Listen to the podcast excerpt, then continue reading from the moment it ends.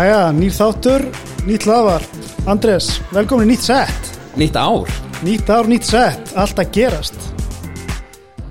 Okkarlega Svona er þetta Hérna, við erum í nýjan þátt, nýtt viðtal. Heyrðu, Já, ég ætlaði að spyrja um þetta. Þú talaði við hennar Svanlugu hjá Twitter. Ég gerði það. Og var mjög hérna impressaður, mjög áhugavert hvernig þið vinna. Og hún líka, hún er greinlega mjög öflug mjög, mjög áhugavert að fylgjast með henni framtíðinni Já, hún er sem sagt, hvað, hún er þrjöldvekja eitthvað sliðis Já, eitthvað tvekja þreikja Já, vörstjóri Twitter og hérna var aðri á Ticketmaster. Ég meit sem er nú ekki síður stort fyrir, eða minna fyrirtæki en samt þetta mjög stort er aðeins, ég myndi segja að það er aðeins kannski minni nótkun uh, heldur en hitt sko, öðruvísi nótkun, hún hefði lýsir í aðeins í viðtalinu hérna, hversu takmarkun nótkunin var þegar hún, sérst, áður en hún kemur þar inn og hérna og það er áhverta, áhugavert að spá einmitt í þessu sem hún talar um hérna, hún talar sérst um uh, hérna, í, í sérst þetta IQ eða sérst að finna þessa finna þessa samsömun við notendur appsins mm. sem hún er með þar sko. Já, spennandi, við hérna Twitter hefur náttúrulega verið svolítið í fréttonum svona með Íslandsvinkli í þessari viku og, og e, í kjálfarið var sagt frá því að, að hérna e, að Twitter er búið að festa kaupa og Eno, þetta ekki Haralds Þorlarssonar e, hönnuðar sem að stopna var bara fyrir 6 árum síðan og, og hérna þetta eru ykkur miljardar viðskipti og, og hérna og hann er skattgreðandi í Íslandi þannig að far, þetta hjálpar okkur, kemur í COVID-bökin hjálpa okkur heldur betur, þetta er líka áhugaverð einmitt sala, þetta er ekki kannski svona vennileg sala sem við erum, sem erum vön. Nei, þetta er nefnilega nýtt koncept sem er einmitt ekki mjög þekkt á Íslandi sem eh, kall- þeir kalla á ennsku aqua hire einmitt, sem er samblanda svona einhver bastarur orðunum acquire eða að yfirtaka fyrirtæki, kaupa fyrirtæki og að ráða. Einmitt. þannig að þeir eru að ráða þeir eru að kaupa teimi af starfsmunum á, eh, eh, sem þeir mantar fyrst og fremst mantar ekki bent fyrirtækið eh, eru í öðrum rekstri, eru þetta ekkert í að selja hönnun eða þannig, þannig að fyrirtækið er lagt niður og starfsmenni kom inn og raðast inn í einhverjum tvær þrjá deildir hjá Twitter. Og, og Halli skils mér að verði ég kalla hann Halli að því hann er nú æsku vinnu minn. Eh, svo það komið fram, en hann eh, hérna verður eh, ja, mann leiða í rauninni þróun á öllum nýjum vörum hjá Twitter. Ok.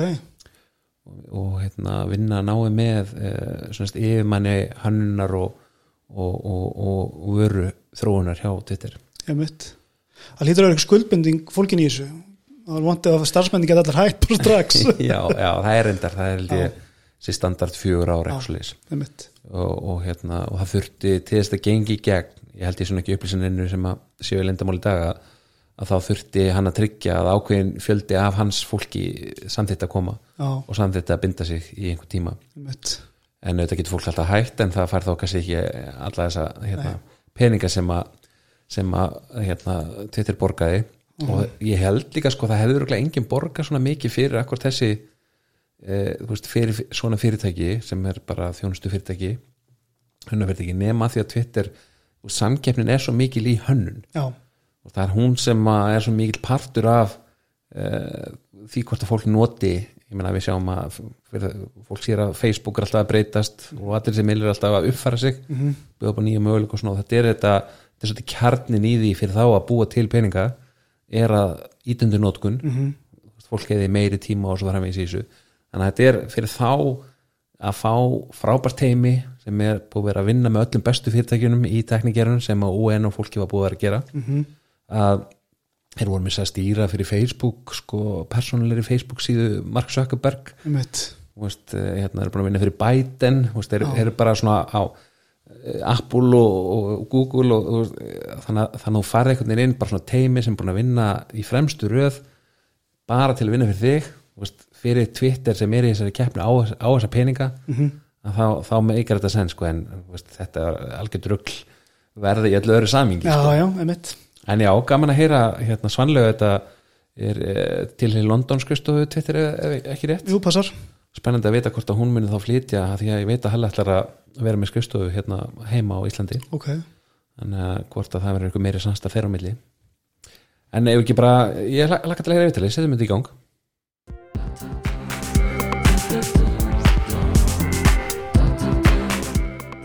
takk fyrir að koma að spjalla okkur Já, gaman að vera hérna, takk fyrir að bjóða mér. Hérna, fyrsta spurning sem bara blasir við þegar maður skoða prófíliðin.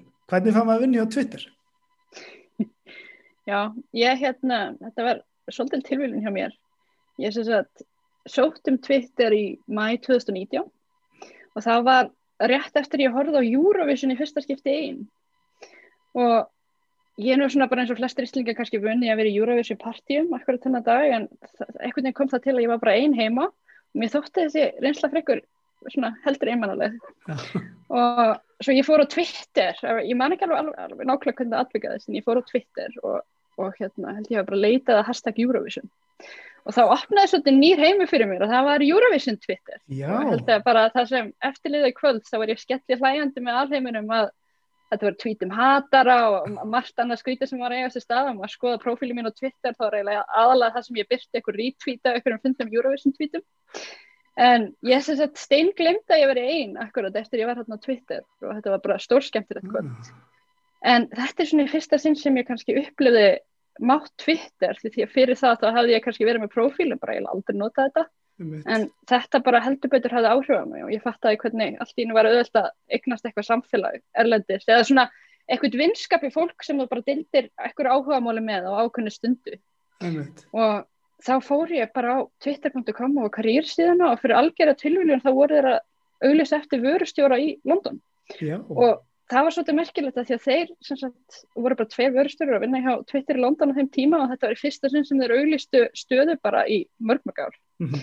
og ég bara sótti um og skrifaði hérna cover letter um þessa Eurovision reynslu sem ég held að hafa bara fleitt mér svolítið langa leið inn í þessi viðtöl en þetta var náttúrulega kannski svolítið óvennilegt líka uh, cover letter að tala svona um Eurovision en ég hérna, þannig komst ég allavega inn í viðtölin Ok. Hvernig var ferðlið að fara, þetta, þú veist, er þetta einslemt og maður heyrir um og Google, það sem þetta er í alveg marga, marga mánuði, var þetta, þetta einslemt? Já, þetta, þetta var talsvitslegt, þetta tók marga mánu, þetta var mörg mörg viðtöl og ég hérna hafi verið að vinna hjá um, mestmengnis evróskum fyrirtækjum fyrir þannig ég var ekki alveg viðbúin kannski öllum spurningunum, það fyrsta sem ég var spurt bara í viðtölinu var why should Twitter hire you? Og, og hérna þannig að það, þetta voru alveg, þetta var rúslega stramt eða svona uh, þungt viðtalsferðli, það tekið kannski þrjá fjóra mánu Já, ok. og ég held ég að fara í kannski tólf viðtöl Wow. en, en þetta hófst Verkefni, endanum voru verkefni líka í, í viðtölunum eða var þetta bara, varst alltaf að hitta og líka nýtt fólk?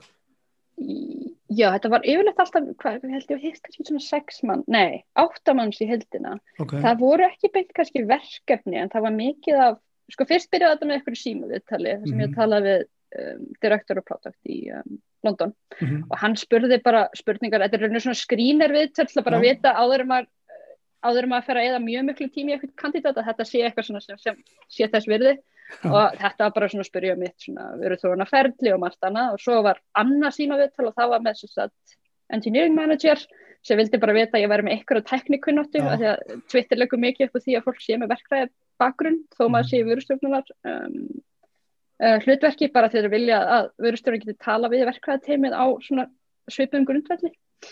Og svo eftir það það var on-site heitið það. Þá kom ég og talaði við áttamanns í fjórum Pa- viðtölum hjá Twitter. Já þetta var svona panel og Mhm. hvert viðtal verður fókuserað á ákveðin hlut. Og það er svona er spurð spurningar eins og um, hvernig farðu annað teimi til að vinna með þér? Mm. og, og hérna og svona ímsar svona í rauninni svona soft skill spurningar. Já. svo var, voru spurningar um hvernig myndur hanna bröðurist og, og það var bara svona ímislegt og svo var annað viðtal síðasta viðtal var eitthvað sem heitir, sem heitir top grading það var mikið verið að koma að staði sko um, í rauninni hvernig hefur verið hvernig hafa, hvernig ertu í vinnu Mm. og hvernig mistök gerir og hvernig tekur feedback og þeir skoða sem sagt hva, hvað varst að gera á Ticketmaster, hver var yfirmaðurinn hvert Mhm. var hans aðal feedback á því hvað fannst þér um hann, hvað lærður þessari vinnu og þeir vilja líka sjá að þú gerir ekki sömu mistök í hverju vinnu eða hvort þú sért með eitthvað ríkalega samband í öllu vinnunum Já. en e, þetta var, þetta var áhugavert ferðli svo eftir þetta held ég að hefur tvönu viðtöl og svo, svo fekk ég tilbú Ok. Og margir í svona ferli, Ég býst alveg við því að það verið eitthvað 2000 sem sækja um svona. Sko ég veit, það eina sem ég rauninni veit er að maður getur séð á líktin átt hvað eru margir applikants allavega þeir hafa fundist þess að um, vinnuna í gegnum LinkedIn. Mhm. þá held ég að það hafi verið 400-500 manns allar sem sóttum þar en ég Já, ráð fyrir að það hafi verið fleiri. Þeir taka aldrei 400-500 manns inn í svona viðtölu, það er rosalega tímafrækt fyrir fólk en ég gerir Mhm. ráð fyrir að þeir hafi tekið svona allavega kannski 20-30 örgulega Já. fleiri kannski í síma viðtölun en kannski 20-30 ansætt. Áhugavert. Leiðir eins og það verið yfirhersla, þú þú varst í þessu, eða var þetta easy going?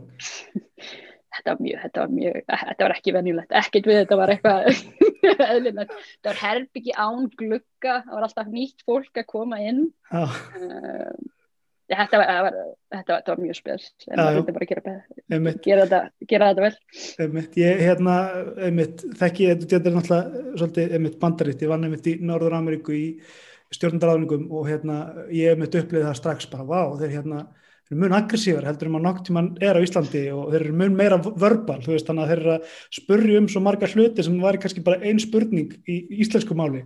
Þannig að hérna, þetta er, ég veit að þetta hefur alveg pott og sérstaklega með eitt af stóru sko, teknifyrirtæknum og þetta örglega verið mjög kræfjandi sko. Hvað hérna, hvernig, hvernig, í að nú varstu um því að Ticketmaster það á þessum tíma, var, var ekkit vesen að koma til burtu allir þessi skipti?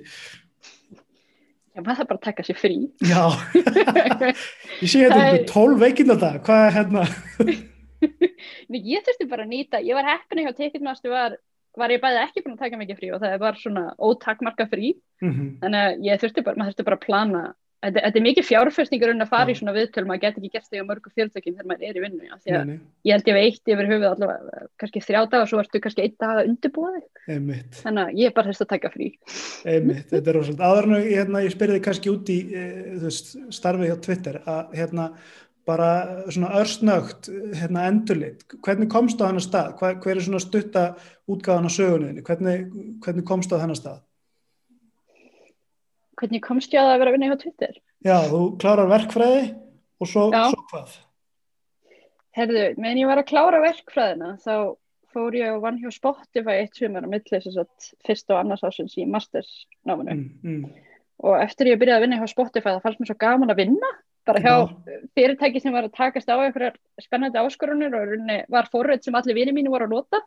Að eftir það þá var ég bara hérna, ég, ég gati ekki verið bara í námi. Þannig að ég hérna hafði samband við ég var að flytja til Berlínar í setna árið í mastersnáminu mínu. Já, þannig að ég sendi bara e-mail á manna, eða fann rekrúter hjá SoundCloud og LinkedIn og það var kannski eitt stærsta uh, fyrirtækið í Berlín á þeim tíma. Mhm, og sendi hann bara e-mail og sagði, herri, ég er að flytja til Berlínar, ég er Mhm. að vinna hjá Spotify núna, mér langar að vinna mastersverkun með, ykkur. Og mhm, komst inn sem sagt, fekk vinnu þar, var þar með námi og kláraði svo námi, fekk svo vinnu þar. Mhm. var þar í rúm þrjú ár svo flutti ég til London. Og það var frekar ótrúlega atbyrður á þess að ég fekk vinnu hjá Ticketmaster, það var eitthvað mjög hérna, SoundCloud sagði upp helmingi starfsmanna. Mhm, og ég fór í viðtal hjá fyrirtæki sem heit Universe í Kanada og langaði svo endanum ekki flyttið til Kanada en það var hann eitthvað, en vilti ekki bara koma að vinna hjá Ticketmaster í London? Og þá sett hann sagt um, samband við mann sem hétt Sean sem var yfir verkvæðatíminu þar. Já, og þá rættu við saman, hann sagði bara já, ég kannski ekki beint, var ekki beint að ráða en mér líst bara vel að það, þannig að vilti ekki bara koma og, og vera með okkur, þannig að ég fekk bara ráða hvað ég gerði hjá Ticketmaster og ákvað bara velja með verkefni þar. Og svo á endanum eftir að hafa verið þar í rúm tvö, tvö ár, þá fannst mér ég meira að vera að læra kannski um hvernig Ticketmaster kerfin virkuð heldur en að læra eitthvað nýtt í e, vöruþróun, þannig að mhm, þá, þá gerist þetta Eurovision kvöld líka og, og það röndaði hjá Twitter þetta var svona svolítið þetta, er, þetta bara byrjan með kannski forvitni og mér fannst hérna bara svo gaman að- vera í þessum tæknibransa að ég hef svona aukvöld neinn, þetta hefur bara svona gerst röð svolítið. einmitt. Hvað er það við tæknibransin sem að- á svona vel við þig? Ég hérna, já, hvað spurning. Ég held að finnst rosalega spennandi að vera að vinna vörur sem vinið mín er að nota eða kannski fólkra mínu líka. Ég hérna fekk svolítið, ég fekk mikið að fyndnum hérna skilabóðu bara því ég var að vinna alltaf með svo Spotify eða SoundCloud, ég mæna einu sinni hafi Rikka samband við mig bara því að það var eitthvað í gangi með akkántin hennar á Spotify, ég hjálpaði henni og, og, og hún hefur sendt mér margar ráðleggingar setna mér hvernig, ég ætti að fara með útlending á Íslandi. Mér er alltaf myndist mjög gaman að vera að vinna eitthvað sem í rauninni er mjög hægt í heiminum. Og saman eitthvað Twitter, alltaf mjög gaman að vinna hjá þessu fyrirtæki þegar þeir eru stöðut í fréttunum. Einmitt. og kannski líka bara hafa geta haft áhrif á heimin og öðruvísi hátt. Twitter er allstæðir í heiminum og lærir mikið um minningu Einmitt. og þú getur haft áhrif á annan hátt hefur hefur haft mikil áhrif. Þannig ég er mjög gaman að tekna bara svona. Og þú sagðir og færst að velja svolítið hvað varst að gera á Ticketmaster. Hva, hvað varst að gera þarna hjá Ticketmaster? Hefði, ég var sérst ráðun inn í teimi sem mm, var að sjá um það að að endur byggja mikið af því sem tekna hefur teknmastur mm. og ég byrjaði í vefsíðu teiminu en svo sá ég að það var um, snjallsíma teimi eða snjallsíma app það var app teimi, kannski, kannski reyni ekki Íslandi, íslenska þetta var mikið. En ég hérna, það var app teimi og það var mjög lítið teimi en þeir voru sérst bara byggja það nákvæmlega sama á vefsíðan og mér fannst þetta áhugavert að sjá sérst, við vorum að, með jafn við vorum að setja mikið pening í það að endurbyggja vefsíðuna í appi. Mm þó að aðeins 2% af miðakaupunum væri að koma í þessu um, appi, það voru að reyða miklum tíma og peningi að gera þetta. Þannig að ég er svona aðeins stegin í þetta verkefni og fyrir að skoða kannski app review, hvað er fólk að nota þetta app í? Og tók eftir því og, og talaði við mikið að kunnum að flestir voru ekki að nota þetta app í að kaupa með það, þeir voru að nota þetta til að komast inn á tónleika Mm. og voru að fræra með og eitthvað hlera og svo var mikið að fólki sérst í Danmörku og Svíþjóð að kvarti við því að að ticketmastrappi í Danmörku, þú gast ekki nálgast miðana í Svíþjóð og það er náttúrulega bara mjög erfitt að því að það er bara mjög auðvelt að komast á millistralanda Mhm. og oft eru kannski tónleikar í Malmö eða Kaupmannahöfn og það bara fer fólk þar yfir en fólk bara gæti ekki nálgast miðana sína þannig að ég hérna setti saman smá hérna plan fyrir um, stjórnuna Mhm. og bara benti þeim á að það væri margt sem við getum gert betur í appinu og eftir það bara var mér afhengt það verkefni til að leiða og þá endur byggðum við appið uh, Ok, og leistum vandamál fyrir Danmark og Svíþjóð. Núna eftir að geta farið að nálgast meðana sína í þeim löndum. vel gert. Og svo hjá Twitter, hvað er þetta búin að að gera hjá Twitter? Svo ég, svo ég klári nú svona sögukablum Herri, ég er vörustjóri yfir search teiminu Já, þannig að starfið mitt svona í hnótskutt snýst um að hjálpa nótendum Twitter að finna bara það sem er að leita hvort sem það er nýjasta tweeti frá gíslamartinu eða ert að leita tweeti með köttum, langar að sjá kattamyndir eða langar bara að sjá fyndin tweet núna getur þú Mhm. gert það, leita að funny tweets og við munum sína tweet sem eru, eru fyndin já, þannig að ég sérst teimi mitt sér um það bara leita Ok. reynsluna á Twitter Tölum aðeins um teimi. Segðu mér aðeins frá því hvernig teimið er sem að, sem að þú ert að vinna að stýra í verkefnum og, og vinna með og, og hérna, þú dreifðu það ekki. Jú, heldur betur. Ég sem sagt vinn í search teimni á Twitter og við erum hérna, okkar starf er að hjálpa notendum Twitter að finna það sem er að leita, hvort sem það er nýjasta tweeti frá gíslamartinni eða tweet með myndum af köttum eða fyndin tweet. Við erum bara að reyna að hjálpa þér að finna það og það er alveg heljarunar áskoruna því að það eru mjög mörg, mjög mörg tweet á Twitter og það að leita í gegnum þetta er mikið bara, hérna, mikil áskorun og margir notendur og, og mörg þjóðurni og, og mismöndi tungumál þannig að þetta er alveg þetta er, þetta er skemmtilegt verkefni. Við erum um 30 manna teimi sem er í rauninni mjög lítið fyrir að vera search teimi, þú sko Google þá er þeir með hundruði ef ekki Mhm. þúsund manns að vinna í search teiminu við erum mjög lítið teimi um, sem, sem vinnur á þessu verkefni. Við erum mjög þverfaglegt teimi, við erum sérst, verkfræðingar, fóröldarar, svo er ég sem er vörustjóri, svo erum við hönniði, við erum lögfræðinga, við erum mjög þverfaglegt teimi og svo erum við í mismjöndi heimsálfum, við erum sérst í London og við erum í Bandaríkjunum, dreifðin Bandaríkjun og svo erum við líka í Asíu núna. Þannig að við erum bæði í mismöndi löndum og við erum í mismöndi tímasvæðum. Þannig að sérst, Singapore skrifstofan sem við erum með er 8 klukkstundum frá okkur í eináttina og svo er San Francisco skrifstofan 8 klukkustundi í hináttina. Þannig að við erum, Einmitt. hérna, ættum að vera vakandi alla tíma sólarheimsins. Einmitt, það lítur að vera mikið challenge. Hvernig, hvernig bregstu við þessu að vinna með svona ólíkum tímasöðum? Já, ég held að þegar þú ert hérna með teimi sem er svona dreift þá er mjög mikilvægt að ná undirstöðun og réttum miklu meira en þegar þú ert kannski allir, þegar allir eru sama tímasvæði þá þarftu að eða miklum tíma í í byrjun að bara ná undirstöðun og réttum bæði varðandi að setja skýr mörg varðandi vinnutíma. Ég held að áður en við sem settum okkur skýr mörg þá, átti, þá, þá var algjört kaos. Það var San Francisco skrifstofan til með stundum vakna klukkan 10 og það var klukkan 6 í London og þá er orðið mjög svona grömp í fólk í London sem vil fara að hætta en þarf að tala við eitthvað í San Francisco. Um, sama með Singapore skrifstofana þannig að það er sérst bara ná undirstöðun og réttum skýrmörk varandi vinnutíma ákveða hvað ferli er best fyrir teimið og leifa teiminu svolítið að, ég leif alltaf teiminu að setja það sjálf og, mm -hmm. og setja líka markmið fyrir teiminu, bara sérst að vinna mér, uh, vera mjög ákveðin í því að setja, ná öllum undurstöðum réttum og líka jafnvel bara með hvað var það hugbúnað og tól, bara allt, allar undurstöður þurfa að vera réttar til að þetta gangu upp, þetta er alveg rosalega áskorun. Ummitt. Og hvað, þú veist, ég meina, getur maður eitthvað stýrt fólki hérna, mikromanitsa, það er svona mikill tjáminur hva, hvernig stýrur þeim? Já, nei, hérna ég, ég held að þó að vera með einu einu tíma að segja, það held ég að mikromanaging sé aldrei aldrei lesnin, en nei það er sérstaklega þegar þú komir í teimi sem eru svona langt í burtu, þá þarftu í rauninni að, að hérna að hugsa eins hvernig þú vilt stýra teiminu. Og það sem er virka vel fyrir mig er að, að vera bara að, tröst sig í grunn og ég treysti mm. teimismælum en, en við þurfum líka að vinna saman í því að við erum með skýr markmið og við, og við setjum væntingar þannig að ég mhm. sagt, tala við all, áður en við byrjum í verkefni þá setjumst við niður saman og ákveðum bara ok, hvað, hvað er það sem við ætlum að skila okkur og hvenar og svo erum við bara með það að leðaljósa við ætlum að overcommunicata allt þannig að við höldum að eitthvað breytist að overcommunicata mm. við en ég syns að micromanaging er alls ekki lausnina, það vel að bara Nei. allir að vera mjög virkjaðir með þessu ferli og þetta þarf að vera markmið, þetta verkefni er eitthvað sem allir þurfa að vilja skila af sér vel mm. þannig að ég, hérna ég, ég, ég reyna, ég sé ekki ég reyna vel að allir séu sín einn verkefnastjórar, það eru allir sem saman í því að skila þess af sér mm. og ég held að það hefur virkað vel að fara frá því að ég sé einu verkefnastjórun eða verustjórun yfir að bara það eru allir sem vilja skila þess af sér og allir mjög áhuga samir og hérna og og spenntir yfir að skilja ykkur svona af sér Nefnir. En hvernig skapar þess að sko bæði þá um eitt samkend og þetta tröst, ég menn þetta er fólk sem er oftast bara bak og tölurskjáin og, og langt í burtu frá þér, Hvern, hvernig er það að skapa þetta í teiminuðinu?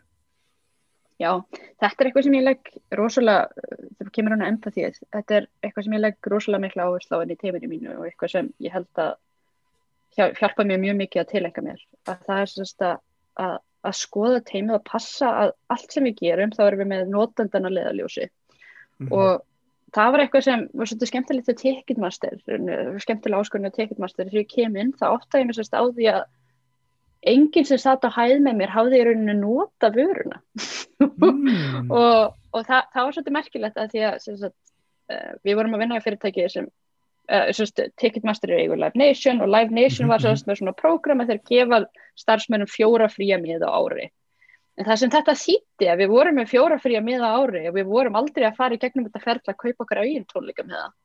Og right. þetta ferli gekk þannig að við bara sóttum um eitthvað starf þurftum aldrei að fara í gegnum ticketmaster.com að kaupa sem miða. Og og alltaf þegar við fórum á sérst, tónleikana það fórum við gegnum eitthvað svona sérstakon VIP ingang og vorum bara okkur lista. Þannig að við vorum aldrei með þessa miða sem aðra þurfa að gangi í gegnum. Þannig að ég sést bara áttaði mig á því að við erum með þarna hellinga fólk í vinnu sem hefur bara aldrei nátt að vera og getur ekki sett því spóru viðskiptvinnarins og mm. það er bara e ekki nógu gott og það missir að rosalega mikill í nýsköpun og, mm. og bara beturbætingu með því að teimið þekk ekki í raun og get ekki sett því spóru viðskiptvinnarins þannig að ég setti í gang svona nokkra breytingar og það var sérst að skoða bara hvernig getur við látið um, fólkið í teiminu sett svona notendanleðaljósi og það eru svona nokkrar uh, strategíur sem við getum notað í þessu, við getum látið fólk horfa notenda við töl og getum látið fólk fylgjast með fólki farin á tónleika en það sem virkaði kannski best fyrir mig var bara að láta fólk gangi í gegnum þetta Já. og það sem við gerðum var sérst, vikulega var sérst að teimi með fund þar sem við bara komum saman á borðin pitchu en vorum líka að tala um eitthvað svona nýjustu þróun í tækni mm -hmm. en það sem ég fór og vann með verkvæðingur mjög við ákveðum að sérst, láta fólk kaupa miða til að komast inn, ég vil hóta að vera ekkit stór atbyrður en við vildum bara fólk gengi gegnum ferlið og, og, og í rauninu notaði þá líka appi sem við vorum að þróa til að fara inn á þannan atbyrði hérna hjá Tegnmaster og mm -hmm. það var svolítið merkilegt að þessi atbyrður átti þessi staði kallara og það var í rauninu frábært að mm. því að það var bæðið léleg byrtu skilirði, það var léleg tenging, það var svona þröngur aðgangur, það er eftir að fara í gegnum allt það sem viðskiptafinni fara í gegnum þegar þeir eru að fara inn á tónleika. Það var ótrúlega betrunbæningar uh, sem sérst, komu eftir að við settum þetta í gang og fólk átti að segja að það væri kannski bara mjög sniðið að við vitum hjálpa fólk að, að, að hérna, að kveikja byrtinni þegar það kemur nálægt í tónleikunum að senda push notification og skjáin þeirra til að vera nálægt. Að minna fólk á tónleikuna fólk áttu oft til að gleyma hérna að einhverju atbyrðir vera að fara að eiga sér stað. Það þannig að það var svona mikið sem, sem, sem þú, þú einhvern veginn ferð frá umræðum í af hverju erum við að byggja þetta yfir í við eigum að byggja þetta og þá er allt einu teima Mhm. orðið mjög svona hérna, áhuga samt um að byggja eitthvað svona það, það, það, Mhm. það hefur gengið mjög vel Mhm. um, svo er varðandi þetta er svona empati fyrir notandanum og það er mjög mikilvægt að hafa þetta en mér er þótt mjög mikilvægt að hafa þetta leðaljósi og bara í öllum ákvörðunatökum að við séum ekki að, Mhm. að optimæsa bara fyrir kannski hönnuðina að þetta þurfa að líta svona út eða verkfræðingarna sem vilja að kóðin sé sem einfaldastur að við hugsa um hvað Mhm. er best fyrir notandan og það hefur hjálpað mjög mikið að, að, að, vera, láta fólk bara upp, setja sig í spór notandanir svona á, á, á raunver, í, í einhverjum Mhm. svona aðstæðum Mhm. en, en svo er líka eitthvað sem um, hefur virkað vel fyrir mig það er að reyna að láta fólk setja sig í spór hvors annars og það sem ég alltaf tekið eftir þegar við erum sagt, í svona þverkfæðlegu teimi að það myndast alltaf eitthvað svona smá spenna dæmis hönnuðana og verkfæði teimi Mhm. og það er verkfæði teimið eitthvað ó, þessar hannanir sem koma, það er ómögulegt að byggja þetta og þetta myndi taka mörg ár eitthvað Mhm. og þannig að það myndast alltaf spenna þarna megin og svo hinum megin hjá hönnuðunum er eitthvað, ég skil ekki hverju verkvæði til, mér er allt svona erfitt að vinna með hverju ósköpum getum við ekki byggt inn að taka svona eitthvað Mhm. og það er eitthvað sem er líka gott að, að, að huga að, að það er sagt, að, að reyna að láta fólk fá svona samkynda milli sviða. Já. og hjá SoundCloud gerðum við það þannig að við sem sagt byrjuðum að vera með verkvæðateimi, byrjuðum að vera með forröðunarkursa fyrir hönnateimi og láta þau, sérst, að, að láta sérst hönnateimi skilja hvað er í rauninni erfitt að byggja sama þessar hluti. Og svo á, á, á hérna á hindpólun þá fengum við verkvæðateimi til að taka þátt í nokkrum svona um, design sprintum þar sem við vorum sérst, að, að tala með nóðundur og reyna hann og þess að átta sig á hvað það er í rauninni flókið að koma að staði einhverju svona uh, góðri laust og ofta sjá Mm. hvað þetta er í rauninni rosalega erfitt að komast að einhverju góðri laust en það sem þetta gerði er að þetta er allt í einu að fólk fyrir að tala saman miklu fyrr og það er ekki alltaf eitthvað svona afhending af einhverjum svona hönnunum Nei. sem verkefni einhverjum hendi tilbaka og segir bara, heyrðu, nei, þú verður að láta laga þetta og svo kemst það einhverju svona suboptimal laust það er að láta fólk Mhm. tala bara saman miklu fyrr í ferðinu og vinna saman fyrir einhverjum að vera svona tveir aðskildir hópar Skipulegur það eitthvað fyrirfram eða eða veist, er þetta eitthvað sem bara gerist náttúrulega, er þetta að nota eitthvað, forrið sem hjálpa ykkur í samskiptum eða hver er struktúrun á þessum, þessum samskiptum? Um, varðandi þetta, þá, þetta er eitthvað sem hefur gerst frekar náttúrulega, ég held að áskorunir í teimum séu alltaf svona svolítið sérstakar. Mm um, til, til dæmis hjá Twitter þá er ég ekki í vandamálum að fólk noti ekki vöruna. Er akkurat á hinpóluna allt heimum mitt notar vöruna bara daginn, da- daginn út og daginn inn og það er eiginlega þekkir hana bara mjög vel. Um, sem var bara ekki einhvern veginn er ég er ekki með einn svona sérstök ferli fyrir þetta, ég held að sé bara að vera svolítið vakandi fyrir hvar eru flöskuhalsar í teiminu og hvar Já, er það já. sem í rauninni þú ert ekki að nýta þú, þú ert ekki að, svona, að hjálpa einstaklingu í teiminu að sína sitt besta Mhm. og, og hvað er það sem þú getur svona kannski uh, í rauninni aðeins svona laga til til að fá alla til að taka þátt á, á bara, og, og sína sitt besta andlit. Sko, þetta er mjög áhugaður punktur og sérstaklega kannski í því hvað þau eru dreifð sko, að, að veist, fólk er svo misjaft. Hvernig kynnistu fólkinu þegar það er svona dreift og, og hvernig byggir upp þetta traust? Já, þetta er rosalega áskorun og sérstaklega núna á, á tímum COVID uh, Mhm. á, áður en COVID hérna, fó, fór í gang þá Mhm. hefði svarað mitt örgulega verið að ég, bara, ég bara fór til San Francisco Já, og bara þarna já. og ég sérst bara varði þarna í eitthvað tíma en nú er, nú er það ekki alveg inn í myndinu og rauninni eitthvað sem sem væri gott að sleppa í framtíðina maður getur bara gert þetta allt yfir neti þannig að Mhm. Sest, það, það sem við gerum núna, ég, ég sérstaklega er mjög vakandi fyrir einstaklingum í teiminu og hvernig þeirra samskiptastíl er og hvernig er best fyrir þau að læra. Ég er bara Mhm. rosalega vakandi fyrir því og ekkert með neitt sérstakki huga frekar en bara við þekkin á einstaklingin. Mhm. Við hefum spilað rosalega mikið að leikjum yfir í gegnum netið og þá er ég bara með lista af leikjur sem þú getur farið í. Það er eitthvað sem heitir fake artist, það er Ok. okay. skri skrippulajó, um, Mhm. við hefum verið með workshop í gegnum netið þar sem við gerum origami saman, við höfum málað fuggla um, Mhm. það er, er bara ímislegt sem við getum gert en það er bara reyna kannski að taka fólk aðeins út úr verkefnivinnunni og fara bara í einhverja leiki eða bara spjalla, sem, finnst ekki gaman í leikjum og bara spjalla og þá öllum Einmitt. kannski að mála saman er skemmtilegur heldur en að vera í einhverjum svona leik en Já, já. það sem ég reynir bara að gera er að vera mjög vakandi fyrir hvernig, hvernig fólk er og sérstaklega á Ticketmaster þá var mikið fólk í teiminu sem var mjög hljótt en svona sem þú byrjar að tala við það þá áttur að þetta er fólk sem er rosalega snjált en er kannski ekki um, finnst ekki mjög þægild að tjá sig á fundum. Mhm. og svo og hjá Ticketmaster var það þannig að fólk fór oft saman á, þetta er bara mjög mikið menning í breytand að fara saman á pöppin eftir vinnu. Þetta, já, já, En- en það var iðnaðarmennirnir. já, já en, en það var mjög mikið, það var partur af teiminu, kannski 40% af teiminu sem það bara ekkert gaman að því að fara á pöppin og kom aldrei og þú bara kynntist ekki. Það þarfst að vera svolítið vakandi fyrir bara er þetta í þessi stað, hvernig get ég búið til umhverju fyrir að þetta fólk blómstri líka? Þannig að við byrjum að spila borðspil eftir vinnu og við, við líka gengum í shuffleboarding lík en það er sagt mitt mín, mín nálgunni þetta hefur semst bara verið bara, vera bara mjög vakandi og í rauninni þó sett kannski ekki með það leðljóst að eignast vini er það bara að skilja fólk og reyna að hjálpa þeim að ná árengur þó sett kannski benn yfirmannu þeirra það er bara Mhm.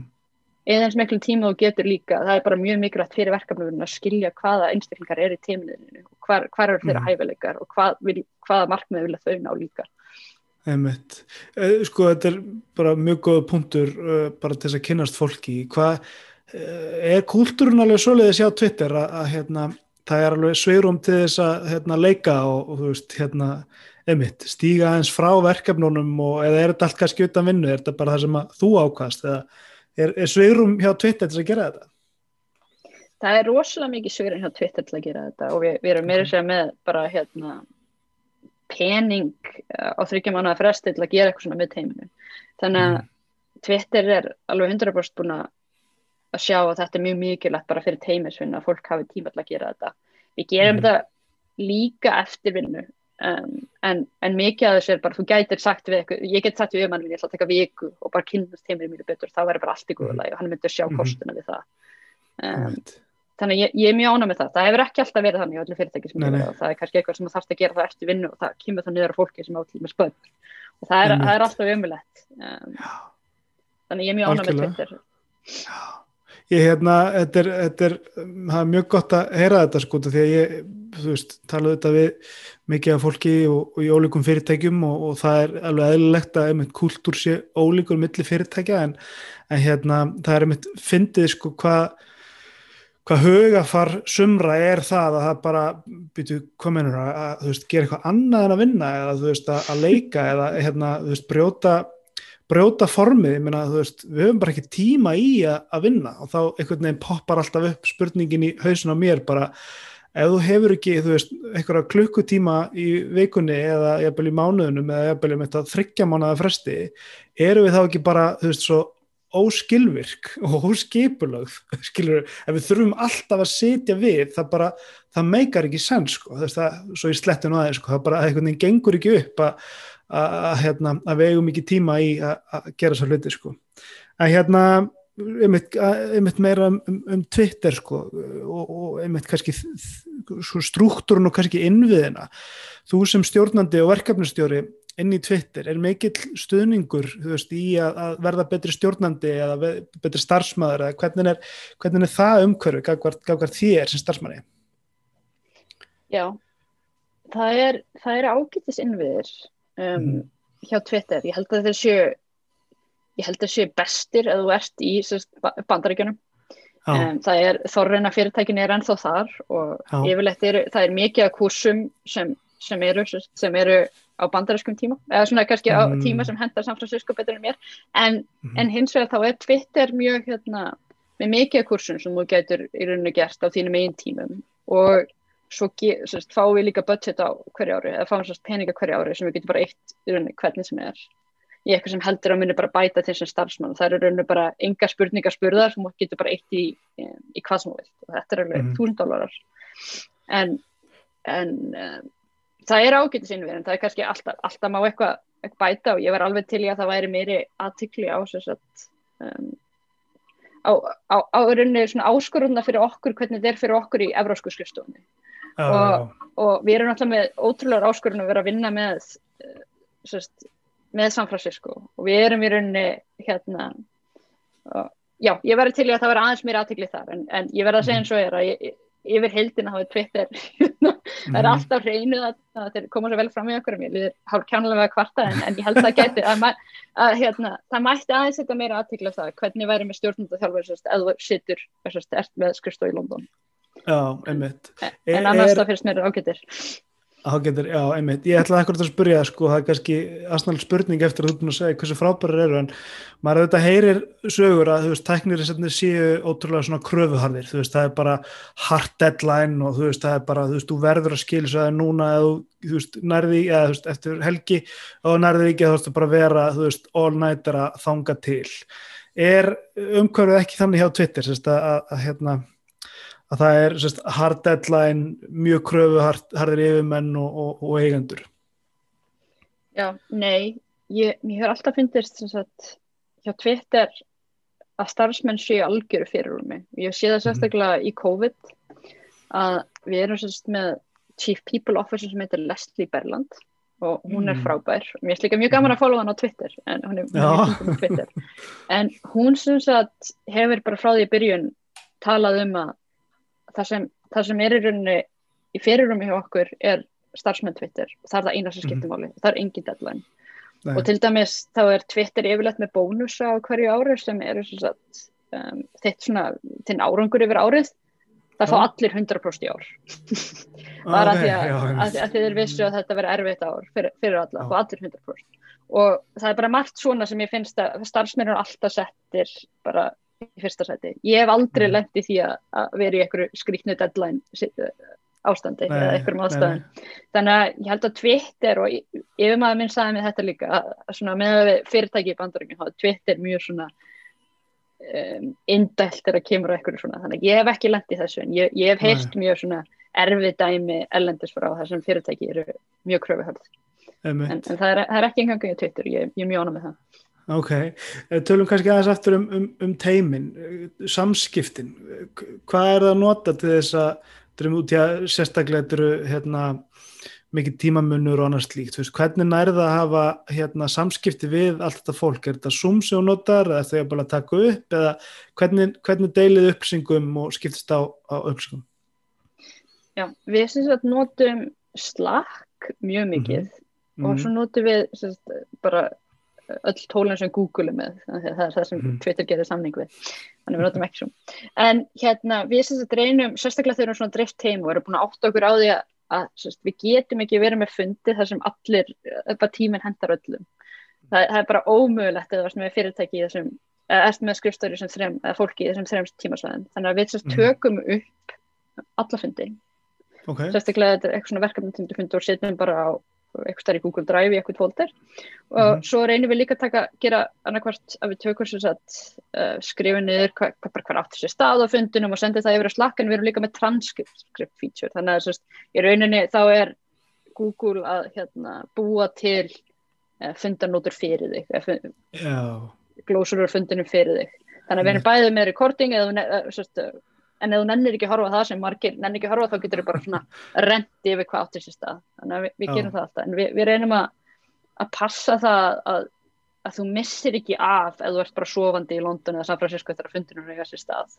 Og að sama tíma þá erum við ekki að blokka að fundir eigi sér stað að því að þú getur ekki fundið tíma sem passar. Þannig að við reynum bara að, að leggja upp því að taka þetta upp. Og svo eins og ég sagði aðan að, að það er svona principle 1 í, í, í teiminu mínu það er að over-communicata og Mhm. það, er, það er ekkert sem er að deila of miklum upplýsingum, það er bara að senda eins og mikið og getur og slakk, bara eitthvað svona random, random update Einmitt. Það hlýtur að vera samt hérna, kultúralmunur á menningamunur hérna, á milli teima veist, og, og við erum nú öruglega Íslendingar, kannski vest að dæmið um þetta við segjum oftast minna heldur en kannski heldur en þörf er út af því að hérna, okkur finnst þetta svo skýrt sko. en hérna, það hlýtur að vera mikill munur á milli einmitt, heimsluta og bara menningar Já, í þessu 100% og það er eitthvað sem ég svona svolítið reykjum á líka, það er að vera Mhm. kannski of hérna stuttur og bara segja þetta er það Einmitt. sem átti sér stað og þetta er eitthvað sem ég hef reykjast mikið á þegar ég er að vinna, nú er ég mikið að vinna með bandaríkjunum og Einmitt. það sem ég maður minn segir mér oft er hérna, bara svo ég sé með það orðið bara svana you need to be more salesy og Já, það, hérna, og það er sérst bæði ekki bara með over communicating, það er líka bara þú veist hvernig þú skrifar hlutina, skreita svona svona aldrei og svona pep upp það sem þeim er eftir að gera, ég, það, er, það er mjög mikill menningamunur og ég veit að fólk sem, sem er í London skrifstofan á mjög erfitt með þetta hvort það séu sem eru breytar eða, eða Íslendingar eða, eða hver sem það er að það er mjög mikill menningamunur á milli skrifstofa. Það kemur kannski ekki drosa mikið fram þegar kemur að, að, að þú ert bara að þú sést Mhm. svona alltaf hvetja fólk til að segja frá því það, ég tek ekki þetta í þar en ég tek mikið eftir því þegar fólk er svona að segja frá afreikum teimisins að London skrifstofan er yfirleitt mjög hóvær meðan að- í bandaríkjuna það er verið að tala um einhverju risa afreg þegar þú þurfum að kíkja það, það er eitthvað bara mjög lítið þannig að hérna, það er mikill menningamunur þarna og eitthvað svona Já. sem við hefum þurft að og ég sérstaklega þurft að aðlaga með að, að það er Mhm. bara að hérna að, að hrópa eins mikið og ég get hvað teimi mitt er afrega því að það er bara kultúrin já, já.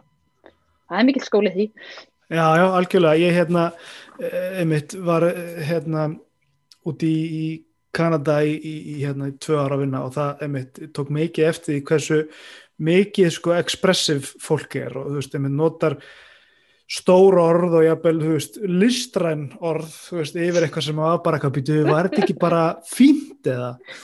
Já, já. hérna og, en, en það sem að kannski er áhugart við það sko, til að við hérna talandi um menningamun sko, við Íslendingar er, er ofta tíðum held ég með svona smá smá svona ofnæmi hérna fyrir, fyrir stórum orðum eða ljóðrænum orðum eða hérna verða að skreita of mikið eða við tiljum mikið tilefni til sko en, en þegar uppi staðið þá erum við þetta bara þú veist hérna tilfinningaverur og hérna, ég held að það sé eitthvað sem að bandarækjumenn kannski eru búin að fatta þú veist, við erum, við segjum alltaf við erum ótrúlega lógísk og veist, byggjum okkar ákvarðanir á veist, einhverju lógík og, og hérna, einhverjum rökum og, og tölum og eitthvað svona, en þegar upp er staðið þá tökum við lang flestar ákvarðanir út frá bara tilfinningum, sama þú veist, hvað allir segja sko, en hérna, að ég veit ekki kannski er eitthvað til í þessu, kannski þurfum við bara að vera meiri expressiv íslendingar heldur en, heldur en við erum sko Já, ég, ég held að vera skemmtilegt þetta, ég held að þetta, er mjög góða punktur, ég held að vera gaman að hitta svona einhvers þar í miðinu,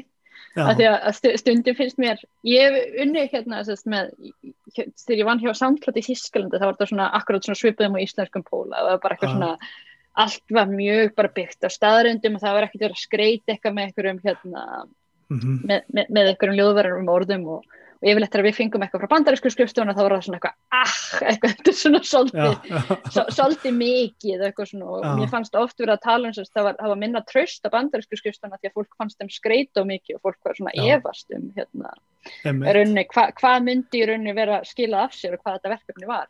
En á sama þáttin þá erum við kannski allt og langt í að vera bara Já. þurr.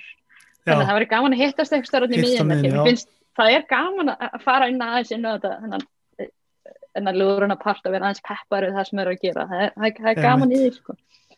Þetta er góða punktur, þetta, þetta tröstu þetta er, er mikilvægt og fólk má ekki einmitt upplifa þessi innan tómt sko.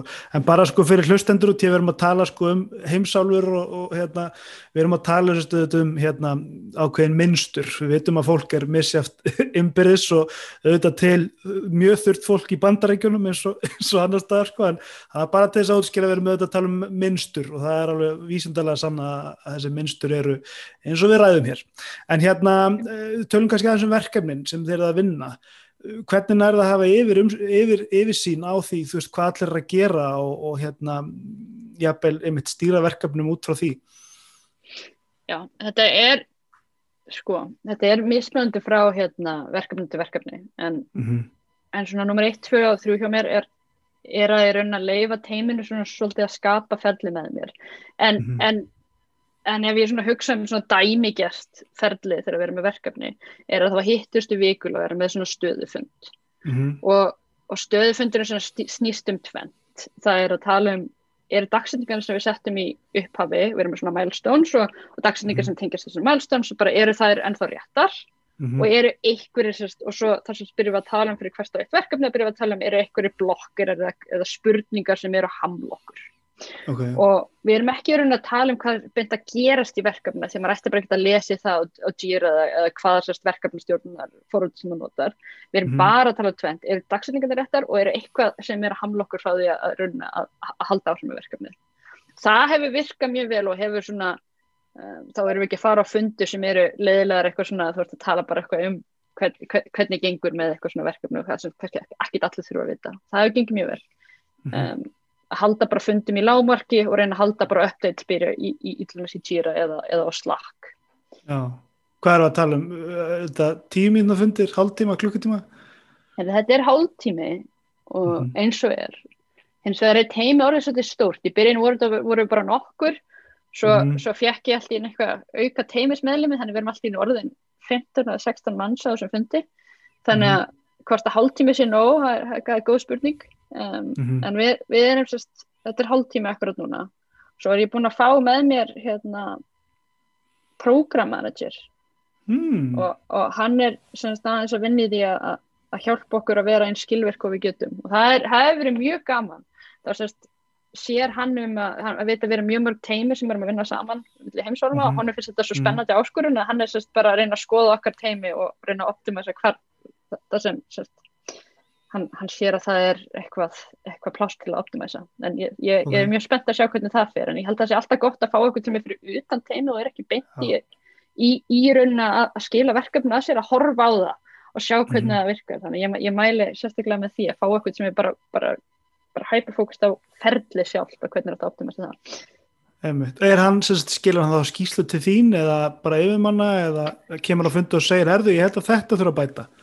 Herðu, það er alltaf þessu hann sem sagt um, hann var hann skila skýrslu til yfirmanna sem eru svona, mm -hmm. hans yfirmenn og er kannski ekki bent uh, mínir yfirmenn. En hann mm -hmm. það er mikið verið að skoða ferli á Twitter og, og, og því að Twitter er að reyna að verða meira fyrirtækja sem allir geta unni hvað sem er. Þannig að nú er fólk byrjað bara að flytja allstar og það mun kom bara með miklu áskorunni fyrir Twitter því að þeir eru mest megnast búin að vera í San Francisco og allt inn er fólk bara að flytja út um allt þannig að þeir eru núna mikið að fjárfesta í að fá fólk að líta ferli þannig að hann er, er svona partur á því. Bara hvernig vinna mm -hmm. þessir remote teimi saman. Og mitt teimi er svona dæmi um teimi sem búin að vera að vinna millir heimsálma sem ekki mörg teimi á Twitter hafa verið að gera. Þannig að hann er raun að skila, það er svona hans potlaði að skila skíslu til yfirmann hvernig þetta gengur. Og fyrir mig er hann líka bara svona að gefa mér feedback bara hvernig ég ætti betur að stýra þessu. Og svona líka að segja teiminu bara þið hefði nátt að flagga fyrir að þessi dagsetning var ekki lægi eða bara, e e eða svona hjálpa þeim svona hvernig er best að gefa update, þess að stundum fyrir fólk stundum í því að bara þegar það er að tala um blokkurinn að tala um eitthvað sem er ekki blokkur það er bara eitthvað svona status update, þannig að hann er svona kannski þjálfa teimið, það er kannski bara best að skilja þetta eftir eitthvað annar staðar, að tala um -hmm. þetta eitthvað annar staðar, en hér eru við bara að tala um eitthvað svona progress blokkur Er hann hlutið þá af hvað, er hann, er hann í mannusteiminu, er hann í einhverju svona bestunarteimi eða þróunatemi? Sko hann er í hann er í, allan sé ekki bestunarteimi, þetta heitir mm -hmm. team development um, orgi ja. sem hann er í og það er nýtt sagt, ný, nýr svona nýtt risateimi innan Twitter sem mm. er sem sagt bara á að snúast um það að hjálpa uh, þess að þú talaði ráðan um innviðana fyrir þjálfun mm. um, þeir eru búin að átta sig á því að það er þjálfunum mjög góð í samfélagsíð sko en fyrir utan mm. San Francisco er bara er það ekki jafn gott. Og það er mjög erfitt þegar við komum í svona remote heim að, að vera bara með þjálfun sem virkar vel í San Francisco. Þannig að þess, það er org sem er að sjá um sest, bæði hvernig uh, þjálfum við fólk og hvernig, sest, hvernig er ferli hjá Twitter fyrir, fyrir þennan dreifða heim. Þannig að hann, hann er í því orgi. En þetta er allt mjög nýtt og, og hérna, það verður gaman að fylgjast með hvernig þetta fer. Ég, ég hef háarvendingar, það er mjög, mjög gaman Já. að að fá eitthvað sem er bara lítið ferlið á teiminu frá einhverjum svona öðrum pólun í ekki, ég er náttúrulega bara alltaf um það sem við erum að delivera á okkur en hann er svona skoða ferlið. Ég hérna, ég er enda lengi búin að trúa því að hérna, því að minn bakgrunn er auðvitað í hérna, mannustjórnun og, og ráðningu. En hérna uh, ofta mitt fyrst mér hægt að vanta í eins og sérstaklega eins og íslensk fyrirtæki sem ma maður hefur heyrt til að, að þessi tími fyrir þetta fólk sem er að sinna fólkin út af því að á Íslandi allavega það sem ég séð og lesið starfskræningar og, og annars slíkt varandi umbóta fólk þá er það ofta bara vinna í einhverjum ferlum, veist að tekna það upp og tímamæla og gera eitthvað svona en, en, en ekki endalega fólki. Þannig að ég myndi mikla vonið til þess að komi uh, til okkar fljóðlega að hérna að þetta fara að snúa svolítið um þetta bara að vinna með teimum í að verða betri þannig að þetta sé sko Jú, auðvitað getur verið með einn á einn coaching en þetta verður svona teimis coaching bara, þú veist, ok, það eru lapsusur hérna, það eru fullt af hlutum sem við þurfum að bæta en einhvern veginn þurfum við einhvern veginn utan að koma til þess að hjálpa okkur að, að sjá það og síðan að taka á því.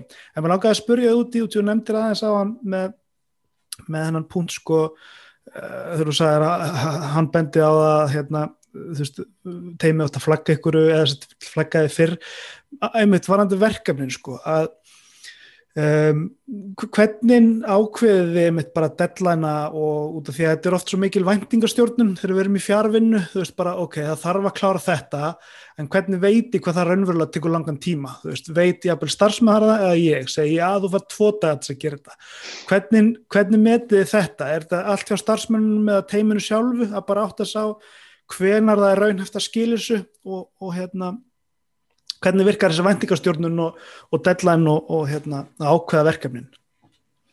Já, með varðandi deadline þá er þetta yfirleitt eitthvað sem ég set ekki heldur en verkvæðingarnir sem segja við getum klárað þetta fyrir þennan tíma.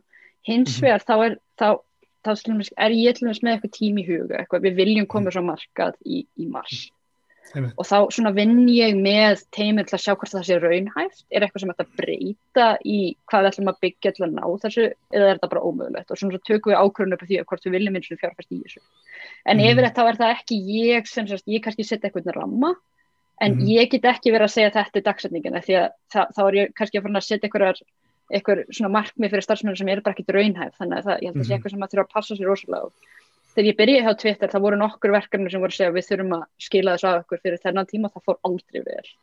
Það, það, það þarf að koma frá fólkinu sem er að fara að vinna þessu sem að þau séu búin að setja þessar dagsetningar. Þannig ég, Mhm. ég vil helst ekki taka þátt í verkefnum ef, ef, ef, starfsmennir er ekki með því að setja þessar dagsetningar og, um, þannig að við sest, gerum við þetta í saminningu og þannig að þetta sé allt, allt, allt raunhæft. Mm, Mjög gott. Ef við skiptum aðeins um gýr, hérna tölum aðeins um markaðin og þróun hans á næsta árum og þá er ég auðvitað að tala um einmitt, það, sem, hérna, það sem þú hefur kannski mest að yfir sín yfir, verandi hjá Twitter og búin að vera í þessum bransa svona lengi á tækni heiminn. Hvernig sér þið markaðin þróast á næsta árum?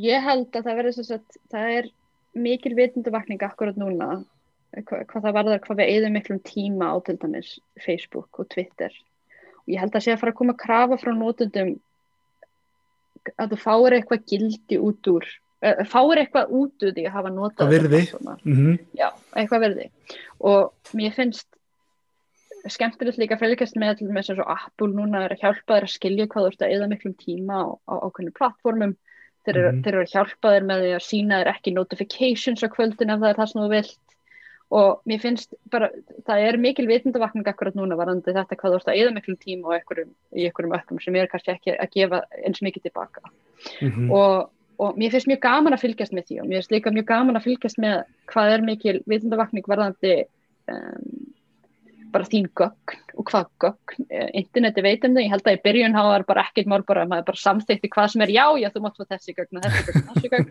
svo er maður alltaf átt þessi ákvæmstu tíu ára setna bara byrja, ég er búin að gefa leiði bara fyrir að þetta fyrirtæki viti bara alltaf mikið um mig, þannig að mér finnst mjög Mhm. gaman að sjá þessa vitundavakningu og Mhm. þetta er eitthvað sem ég tók eftir þegar ég flytti til Þýskaland að þeir voru alltaf, eins og Facebook voru þeir yfirleitt aldrei með sérst, um, accounti var aldrei með þeirra nafni, þeir voru alveg 100% átt að segja því að þetta var eitthvað sem þeir vildi ekki gefa gögn og kannski Mhm. en, en mér finnst svona að vera vitundavakning á fleiri stöðum en kannski bara í Þýskaland og til dæmis Japan núna að, þetta er bara mjög hérna hættulegt að gefa frá þessu gögn og, Já, og kannski fólk og þetta verður erfitt fyrir stærri fyrirtæki núna að fólk fyrir alltaf Mhm. að vera miklu meira meðvitað um hvaða gögn það er að gefa frá sér þannig að mér finnst mjög gaman Mhm. að fylgjast með því en svo líka bara varðandi fjárvinu ég er að sjá mjög mörg fyrirtæki sem færast yfir í að vera kannski öll í San Francisco og öll í okkur ákveðnum staði ég er að skoða getu, er, er fjárvin eitthvað sem gengur? Já. og maður sér svona hreyfingar í, í til dæmis Kaliforníu, ég veit af þess að því ég er náttúrulega Twitter er í Kaliforníu en sagt Or- Oracle er að flytja frá, frá Kaliforníu höfu stöðu sínar yfir til Texas. Maður er að Mhm. sjá hérna uh, Tesla er að gera það sama þeir eru að flytja líka til Texas en Mhm. til sérst, og svo er reddit að fara allt inn bara að fara að segja, herði, það geta allir unni hvaðan sem er, þannig að það er margar Mhm. mm. mikla hreyfinga varandi hvað fólk er unni það er kannski ekki alltaf að fara að vera jafn mikið í Kaliforníu og hreyfast að vera fleiri staði í bandaríkanum og svo er Mhm. meira að bara segja, herri, þú getur unni bara hvaðan það sem þú vilt og mér finnst það mjög spennandi og kannski kemur með nýtt tækifæri upp á hérna, til dæmis að eins og maður hefur séð í COVID að allt í hennu flegir fram með þessari tækni að þú getur unni vel saman í netið.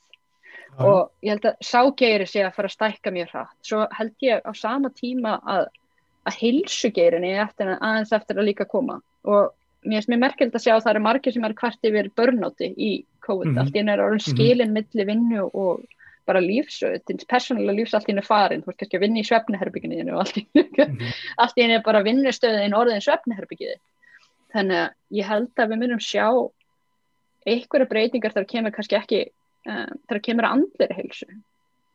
Og hvort það séu fyrirtæki svona aðeins að fara að hjálpa þeir að stýra um, og bara hjálpa þeir með andlega heilsu og hvernig, hvernig er gott að, að skipulegja daginn og kannski Mhm. læra aðeins betur inn á þig um, hvað virkar fyrir þig og hvað virkar ekki fyrir þig. Þannig að mér, mér finnst það svona, svona spennandi. Ef maður stökkva inn í þarna. Eitt sem að ekki allir vita um þig er einmitt þetta hérna, þú er mikinn áhuga á þessu sko, hvernig maður gerir líffólks betra með þess að að nota tækni. Ég myndi veit að þú, einmitt verkefni í skóla eða ekki eitthvað um þetta? Segðu mér aðeins frá því. Já, ég sem sagt um, var að vinna hjá Spotify fyrir nokkrum árum og þá var ég eitthvað að flakka milli hæð og allt inn að lappa ég fram í hæð þar sem eru hellinga fólki að vinna og ég kemst að því þetta fólki sérst að vinna í því að búa til playlista. Og- Hvern- og ég eitthvað svona settist með þeim að fekk að læra hvað þau voru að gera og til dæmis eitthvað hluti sem þau voru að gera var sérst að búa til playlista sem heitir Mood Booster hmm, og, og eða, eða calming songs eða focus time. Og það sem þið gerði var bara að skoða vinsæl lög og kannski skoða hvað verið tempóð í læginu og hvernig lægið var svona samsett hvort það verið klassísk músík og hvort það klassísk músík verið tengt við fókus. En þess að þú var að búa til playlista sem þið settu svo heima síðu Spotify sem fólk gæti svona valið mood booster uh, hmm, etc. til að vera gladari en það sem ég fannst svolítið merkilegt á þeim tíma þetta er nokkur ár síðan og margt hefur breytt síðan en hérna er að ég er held tinni að hérna sömur eh, lögin sem gera mig ánæða mun ekki gera þig ánæðan eða svona, ég, svona, ég, ég held að við séum ekki með sama tónlistasmekkana en mér finnst þetta alveg sérlega merkilegt að, að hérna, þetta verði ekki sniðið að einstaklingnum. Já, og svo hérna fannst, fór ég bara svona meira að hugsa um hvernig væri hægt að snýða þetta einstaklingnum. Og vitum við yfir höfu hvernig tónlist hefur áhrif á okkur mhm, og, og þá fór ég svona að lesa mig til um þetta og, og hvernig, hvernig var hægt að fara að því að, rauninni, að hjálpa þér að skilja hvernig tónlist hefur áhrif á því þannig ég vann Mhm. verkefni með SoundCloud sem var sagt að skoða hva, hvernig við gætum hjálpa fólki að skilja hvernig tónlist hefur áhrif á það og það var svolítið merkilegt að skoða í rauninni hvernig er hægt að þekka tilfinninga fólks eða hva, hvað tækja tólur til þess. Já, og það sem við skoðum var sérst að skoða úr, að nota snjallúr til þess að taka upp hjarsláttin hjá þér og, og hérna það sem heitir skin conductum, það er svona leiðni húðarinnar og hitasti Mhm. húðarinnar til að sjá hvort að við getum nota breytingar í því til að skilja hvernig lægið hefði áhrif á þig. Og bara svona til, til að taka sem dæmi þá er kannski hefur tekið eftir að þú eru hrættur þá fer hjarta þetta slá, slá miklu hraðar. Þegar þú ert kannski smá stressaður og getur tekið eftir inn í lófanuðinum er smá svona svitaperlur mhm, þetta er allt merkið sem eru tengdu tilfinningar. Og ef við getum mælt þetta og búið til, til svona minnst, fatta hvernig minnstrin eru alltaf þú ert gladur þá gerist þetta fyrir þig. Mhm, þá getur orðið miklu snjallar í rauninu til að hjálpa þér kannski að, að skilja hvað tónlist er best fyrir það að hlusta á. Um, ef þú vilt vera gladur eða minna stressaður. Þannig að ég, ég skoði þetta með samtlur hvort það vera hægt að nota í rauninni þessi merki frá snjallúrunum sem voru og eru ennþá í mikil þróun í dag mhm, um, til þess að skilja hvernig tónlist yfir áhrif á því. En svo er hægt að nota þetta bara út um, út um víðanvöld. Ég veit að það er fyrirtæki, þessi startup sem kom út úr MIT sem er semst að skoða þessi snjallúr til að koma í, veg, eða, í rauninni að, að skilja hérna hvort að fólk sé að fara, fara flók. já, Það er búin að koma að staði að dánatíðni uh, ef fólk fær flók er miklu lægri ef það er eitthvað hjá þér til, til Mhm. þetta á sér stað. Þannig að þeir sem sagt vinni því að, að, að fólk sem fær flók er með úr og þeir eru að þekkja minnstur sem gerast áður en fólk fær flók og myndi þá senda sem sagt alert til einhvers náins anstandna áður en það gerist mm Mhm. -hmm. að þeir sjá að þetta eru svona svipuminstur. Þannig að það eru svona mikið spennandi hérna tæknið þróunum sem tengjast þessu að gera sem bara tengjast helsu ég heyrði Mhm. líka, ég hlustaði á podcast í gæður, hún heitir hérna Rosalind Pickard um, mm. Sem hef, er sérst professor í MIT og er með þetta fyrirtæki sem er, heitir Empa- Empatica sem er að búa til þessu úr en Já. hún var að tala með gæður þau hafa verið að skoða sagt með þessu úr líka hérna hvernig er þetta að fylgjast með andlir heilsu Mm. Og- og það er bara oft þegar fólk er að vinna í andlir heilsu að það er mjög erfitt fyrir það, það, er stundum erfitt að segja hvernig mann er líður segja Mhm. hvernig leiður og hvernig leið, leið þetta þér líða það er bara Mhm. mjög erfitt að segja það um, eins og til dæmis ég var að gera rannsóknir og sjálfur mig hvernig, hvernig hérna, hvað væri betra fyrir mig í London að taka strætóöfinun eða lestina. Og Mhm. stundum er bara erfitt að segja ég veit ekki hvernig það hafði áhrif á mig. Ég kannski veit að bara um byrjun á daginn að það er miklu minna stressað að taka strætó. En Mhm. mér langaði að vita hvort það hefði eitthvað mikil áhrif á mig ef ég tek strætó og lest. Er það virði þessar auka 20 minna að taka strætó? Þannig að sem sagt, þau eru að nota þessi úr og á hanska og svo eru ringir líka, það eru eftir að mæla mikið á hendinni. Bara til að hjálpa fólki að skilja minnstur yfir kannski lengri tíma svo þú þurfur ekki að hugsa um þetta sjálfur. Bara hvernig hafa þessi hlutur áhrif á þig og, og mér finnst þetta mjög spennandi geiri og, og, og eitthvað sem hérna, ég er mjög spennt að sjá taka um, uh, spennt að sjá þróast hefur við hérna, heyrt um þessar líkasæta stöðar sem eru með svona hérna púlsmælar á öllum og öll með á skjá. Það verði ekki svoleiðis í framtíðinu, bara hérna stjórnendur að mannustjórar eru bara með skjá og sjá bara fólki sitt, bara, herru, ég er með 30 mann það, herru, þessi er hann rauður, ég þarf að tala við þennan, hann er að fara í burnout. Gæti verið? Það geti verið, það er líka alveg, það er alveg, ma maður er smá hrættur líka við þann heim. Já, Það er líka, líka þegar ég kom inn á áðan að þessi vitundavakning með svona gögnu sem þú ert að deila, Já, kannski vilt að, að allir viti þetta, en ég held að í framtíðinni þá uh, kannski maður hugsa um, þú veist, ef þú getur deilt þessum gögnum með ykkur þú tristir. Til Já, dæmis ef þú verður með sálfræðing sem verður að hjálpa þér í gegnum þetta og hann, hann sér að þú verður alltaf í vikunni með hjarsláttuðin er alltaf bara miklu herri þegar þú ert að vinna þegar þú ert ekki að vinna eða ákunnum dugur Mhm. hann miklu herri þá getur hann svona unni með þér bara "Ah, hvað ert að gera á þriðutöfum og þú ert svona stressaður Mhm. og, og hvernig getum við unnið í því mér, mér finnst það mjög spennandi ég, mér finnst líka mjög gaman að skoða sko mitt yfir vikuna Mhm. og þá er hægt að sjá sagt, um, þá er hægt að sjá að sagt, á þriðutöfum verði ég einmitt er hérslátturinn minn herri og það er einmitt að því að Mhm. við erum á fundum allan daginn þannig að maður sér ég er ekki kannski ég, það er eitthvað að skoða hvernig ég dreifi fundunum en Einmitt. hérna það, það, og svo um helgar fyrir hann bara langt niður það eru örugglega róleg en það er sérst mjög gaman að fylgjast með þessu bara sjálfur líka og bara sjá munstrin og er eitthvað sem þú getur breytt getur þú fara að hlaupa mótan og það hjálpa það þér eða getur þú hugleitt eða eitthvað slíkt.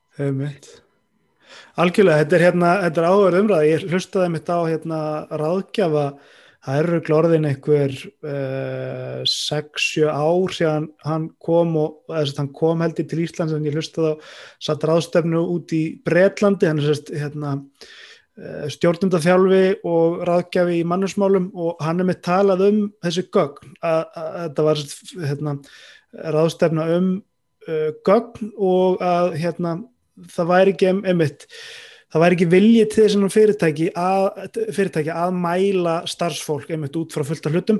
Og hann tók samanburðin af sko knaspunulegum út í Breitlandi að þar væri uh, gögnin náttúrulega langt síðan við byrjuðum að mæla alls konar og, og ekkert sko.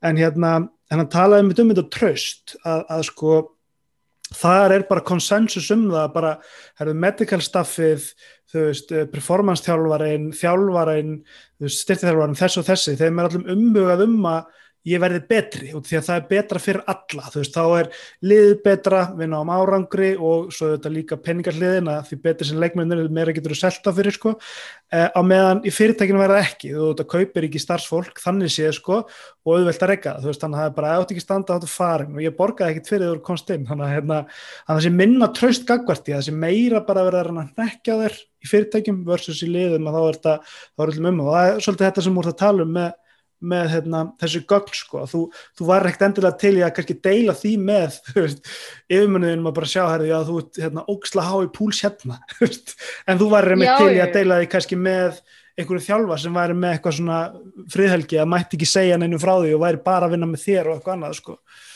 100% og ég, sko, ég, ég held að það sé svona skemmtilegur uh, skemmtilegt að sjá hvort að fyrirtæki gætu ráði eitthvað sem væri aðeins utanakomandi og væri með, mm -hmm. væri með kannski fullt tröst til sem gæti hjálpaði líka að verða betri og er þá kannski ekki endilega inn í mannuðstöminu hjá Twitter eða eitthvað slíka og sér kannski, þú gerðir ekkert í dag ég sé að púsunin fór ekkert Já, ég var ekki með úrið, já, ok, það segir ekkert. Hérna hvað með þið sjálfa? Hvað, hérna, hvert sérðu þetta þróast hjá, hjá sjálfriðir hvað, hver eru svona næstu hver er fimmála draumurinn hjá þér? Já, ég ég hérna hugsa þegar það kemur að mér sjálfur þá hugsa ég yfirlegt aldrei fimm ár fram í tíman um, ok, sem tvö, þrjú já, ég hugsa alltaf svona ári frá þess en ég er búin að ána hjá Twitter eins og ég er og ég, mm -hmm. ég, það sem ég hugsa alltaf svona kannski enda hvers ás um, er bara eitthvað, ertu ánað ertu að læra og ertu mm ánað í geiranu sem ertu og akkurat núna er ég bara mjög ánað sérstaklega mm.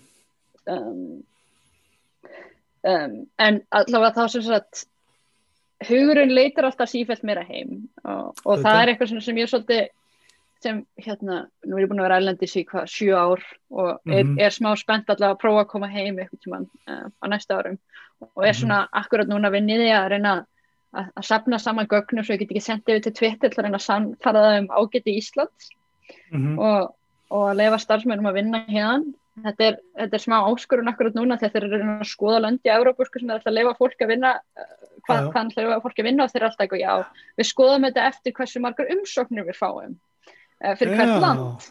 Það hjálpa mér ekki, það sem ég er einu starfsmöður Twitter frá Íslandi. En ég er að reyna að finna einhver, finna einhver önnur gögg til að senda til þeirra. En, en ég ætla að vera óða ánað eins og ég er en það verður rosa gaman að geta bara unnið, unnið, unnið líka hérna á Íslandi það er eitthvað sem ég er að skoða svona yfir næsta ár. Já, já, einmitt, það, ég hef, hef heyrt marga einmitt svona, ég geti kallað hérna expata úti, þú veist, Íslendingar sem eru farnir út, það er auðvitað hefur ástandi líka áhrif, þú veist, að fólk letar heim bara, herðu, það er nú bara rosa fínt að búa í Íslandi, er ekki bara málið að, að vera þar, en, en svo einmitt aftur á móti, talandum um Twitter einmitt, að, að tækifærin er ekki þau sömu, þú veist, það er ekki sömu vinnuvendur og það er ekki sömu tækifærin eins og oft erlendi sko en hérna, þú getur auðvitað að senda um bara líka nettingun á Íslandi, hversu sterk hún er og annað. Já, ég, þetta er einmitt eitthvað sem ég hugsaði um, ég var, ég var líka að hugsa um að það er stittra, það er aðeins stittra að fljúa hérna til New York held ég en heldur til London. Og tímamismurinn er aðeins betri þannig ég ætla að búa til pakka. En svo eru rosalega margir sem vinna hjá Twitter mjög spenntir fyrir Íslandi þannig kannski ekki bara búið til lítinn lít, hub hér og ég þarf bara að skoða hvernig, hvernig þetta myndi virka fyrir Twitter sem fyrirtæki að vinna frá Íslandi. Og það er eitthvað svona að fara að grafa, grafa eftir upplýsingum um þetta. Já, ef þið vantar umsækjendur þá talar við mig og við getum stilt ykkur upp. Hérna uh, en eh, bara út því þú nefndir það sko út á London uh, er alltaf Twitter ekkert að fara yfirgefa London út af Brexit og slíku og fara kannski til Írlands eða eitthvað, er ekki öll tækni fyrirtæki nú orðið í Írlandi? Já, við erum líka í Írlandi. Það er líka, já, við erum með Nei ég hérna, þeir ætla ekki að fara að yfirgefa London, þeir ætla, þeir eru með þess að voru á tilkynna bara í síðustu viku og þeir eru sérst, við erum í húsi í rétti að piktili sörkar sem er með hver sex hæðir og við erum með tvær hæðir af sex, þeir voru á mhm. tilkynna við vorum að, að leiða þriðu hæðina. Þannig að þeir ætla að stækka í London og, okay. og eru þarna með mjög spennandi plöna að byggja þarna hæð með risa eldúsi og jazzbar og ég veit ekki hvað og hvað og, og eru núna að hafa sambandi starfsmenn í London til að að skilja hvað þeim finnst mest áhugaður til London það var búið til listaverk til að, til að ja. endur speikla það. Þannig að það er ekki fuggl, það er líklega eitt. Það verður, það verður allt í fugglum allt þetta veitir snýst, snýst um fuggla öll heiti og fundarherbyggjum er, eru fugglanöfn og allt, allt hengist fugglum en já, það verður eitthvað með fuggla Og, en þeir ætla sérst ekki að, að yfirgefa London og halda og líka sérstaklega með það er, ég nú veit ekki hvað mér gerast þegar Joe Biden uh, tekur við en það er búið að vera mjög erfitt fyrir fólk að fá um, landvistarlefi í bandaríkunum þannig að það er eiginlega heppilegra fyrir fólk að, að, hérna, að byrja kannski í Evrópu og fara kannski setna, setna með út í bandaríkuna en þá er mjög heppilegt fyrir Twitter að vera með skrifstofu í London og þá líka í Írlandi sem þeir geta það vilja fólk byrja og svo senda til mataríkina eða vil fara það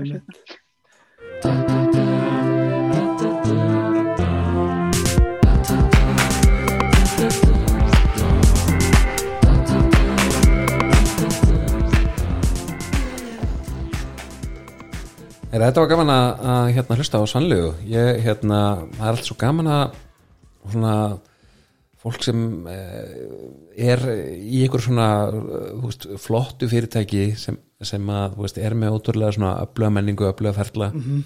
og það verður eitthvað svo onnit það er svo eh, það er eitthvað neginn, hérna, þetta er svo mikill skóli já, já, það er svo beitt já, Já. það er rosalega svona beitt og mm Mhm. stundum er þetta að taka það yfir í, yfir í veist, hérna, önnur fyrirtæki og allt það sko, en, en þetta er hérna þetta er, það verður rosalega sterk eh, menning til oft í þessum hraðvaksandi stóru alþjóðlegu fyrirtækjum sem bara því þau verða að gera það. Veist, þið eru með þessar aðferði til að vinna hvernig þið vinna saman. Já, já, og hérna, þannig að þetta var mjög, ég hef alltaf mjög gaman að heyra svona og hún greinilega, þú veist eins og, eins og, og kom fram náttúrulega var hér ticketmaster áður og, og hérna eh, bara ung manneskja kom með alveg geggjaðar einslu og þessi tengt einmitt út í hún nefnir þetta hvernig þessi fyrirtæki eru að það er út ég tala við nokkra fleiri sem eru á svona stöðum og, og það sem að eh, ég myndi segja er ákveðið þema er einmitt að þau séu mæld eftir þessu. Þú veist að það er, eru rúðlös þau eru algjörlega bara, hvað er íslensk orðið fyrir rúðlös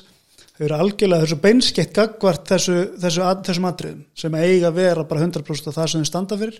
Miskunnulöst er bein því já, já, þau eru miskunnarlaus í nálgun sinni að bara árangrunum en líka bara hvernig þú átt að gera það og, og hvað skiptir máli sko. Þannig að þetta er, þetta er mjög já, eins og segja, mjög, mjög heitlaðar að því hvernig hvernig þau vinna og, og hérna, hversu eittuð hún er sko. og þetta snýr þetta líka að peningum náttúrulega að fá slatta af hérna, pening til þess að setja í þú veist, hérna, símendun og alls konar svo leiði sko. en verður ekki að hvetja fólk til þess að sækjum hjá Twitter til þess að að þegar konum fram hjá henni að, hérna yfirmennir hjá Twitter segja veist, ef, við, ef við getum fáð, fengið talent frá Íslandi sem við vinna á Íslandi já, já, að þá getur við opnað skrifstofu hérna. Alveg og heiglust þeir eru náttúrulega að fara að gera það með Halla en, en það er spurning í kannski fleiri dildum um mitt, jú, við hvetjum allir þess að uh, fylgjast með því.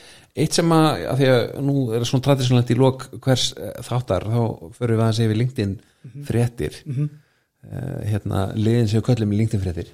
Uh, og hún var að tala um mikið starfsaðstöðuna og hérna uh, og þessa fjárfinu og hvernig þau vinna saman og svo framvegis og ég sá hérna á LinkedIn ansi merkilega grein sem deilt var. Nú býtu við, Tinni Jóhannesson.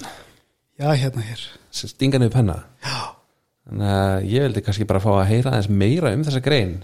Stjórnendur í fjárvinnu Einmitt, þetta er í rauninni bara vangavelta sko, ég er í rauninni ekki að halda neinum fram, heldur bara að kasta fram spurningum sko, að hérna um, eins og ég vitna hérna til að þá eru komnar nokkra rannsóknir, fáarsamt sem að hérna tilgreina þessi atriði með, hérna, með fjárvinna, það er það eru þetta hérna, einhverjar þess að sína fram á það að fólk sé hamingi samara og sé hérna, afkasta meira á til að fara næði og annað slíkt. Ja, skulum segja lengri tíma í næði. Um, og þá velti ég fram þessa spurning hvort það svo sé raunverulega og aðeins svona kannski að nýta í í gögnin sko, því þetta eru, þetta eru hérna, þetta er sjálfsmatt oft á tíðum sko, þannig að fólk er að, að, að hérna, presentera ykkur ákvæmna mynd sem er kannski hliðhóttlegum, getur verið sko og það, það er það sem ég velti fram. Það getur lita að fólk sé alveg til í að fá að vera í meiri fjárvinnu það er svona, flestir vilja allan að fá að vera einhvern hluta í fjárvinnu Já, og það, og það sem að heillar fólk mest í, í þessari breytingu fjárvinni er náttúrulega bara sveigjanleikin. Það er sveigjanleika til þess að ef það þarf að gera eitthvað í hátteginu heima eða eitthvað slíkt að þá er hérna, minna verið að fylgjast með þeim og, og þau ná kannski að gera það sko. Þannig að það er, það er allan það sem ég tek út úr þessu sko, fólk, fólk þrái meira hennan, hennan sveigjanleika sko. En hérna, og tröst þá kannski sem að því fylgir já og tröst sko, en, en svo þetta nýtti kannski líka eins í það sko hvort að það sé raunverulega meiri framleiðri starfsmann á því að aftur þessar greiningar eru ofta tíðum sjálfsmatt þannig að ég er svona aðeins að velta því fyrir mér hvort að það sé raunin að það sé meiri hérna og ég nefnum við nokkuð dæmi þar bara þú veist batna fólk og aðri sem eru með áreiti þegar börnum koma heim og annað hvort það getur verið að, að, hérna, að þau raunverulega geta skila sínu. En síðan svona endapunkturinn á þessu eru þetta það að, átta, að, að fara að hugsa út í það þetta eru þetta tækifæri. Það eru þetta tækifæri þegar kemur svona stort áfall á hagkerfið og, og, hérna, og samfélagið og við okkur ítt út í þetta. Og við höfum talað um það í fyrir þáttum að, að, hérna, uh, tækni og, og þróun á, á hugbúnaði hefur snar aukist út af þessu.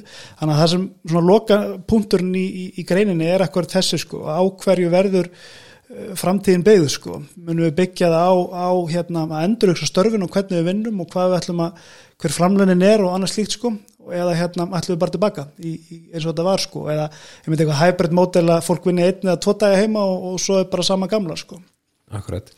Já, ég allan að hef alveg hirt í stjórnundum sem eru, það er kannski ofsnemt að segja hvor, hvor hérna, hvort þetta hafi, hvað áhrif þetta hefur á framleiðinni, er þetta aukana eins og sem mér ég hef svolítið tilfinningunni að fjölumjöla sér skotnir í þeirri hugmynd sko. já, já, hún, hérna þetta er eins og, þú veist, fjölumjöla sér skotnir oft í hugmyndum sem eru svona ganga gegn hugsunni, heyrðu, veist, þetta er bara betra. Já, að fólk hérna uh, svona, já, hafi þennan segjarleika en, en eh, ég ætla að heyrt í stjórnundum sem eru, eru óryggir finnst uh, þeir eru vanir að að geta haft fólk innan seilingar. Mm Mhm. þú veist, geti verið á hlaupum svolítið að, delegara verkefnum. Mhm.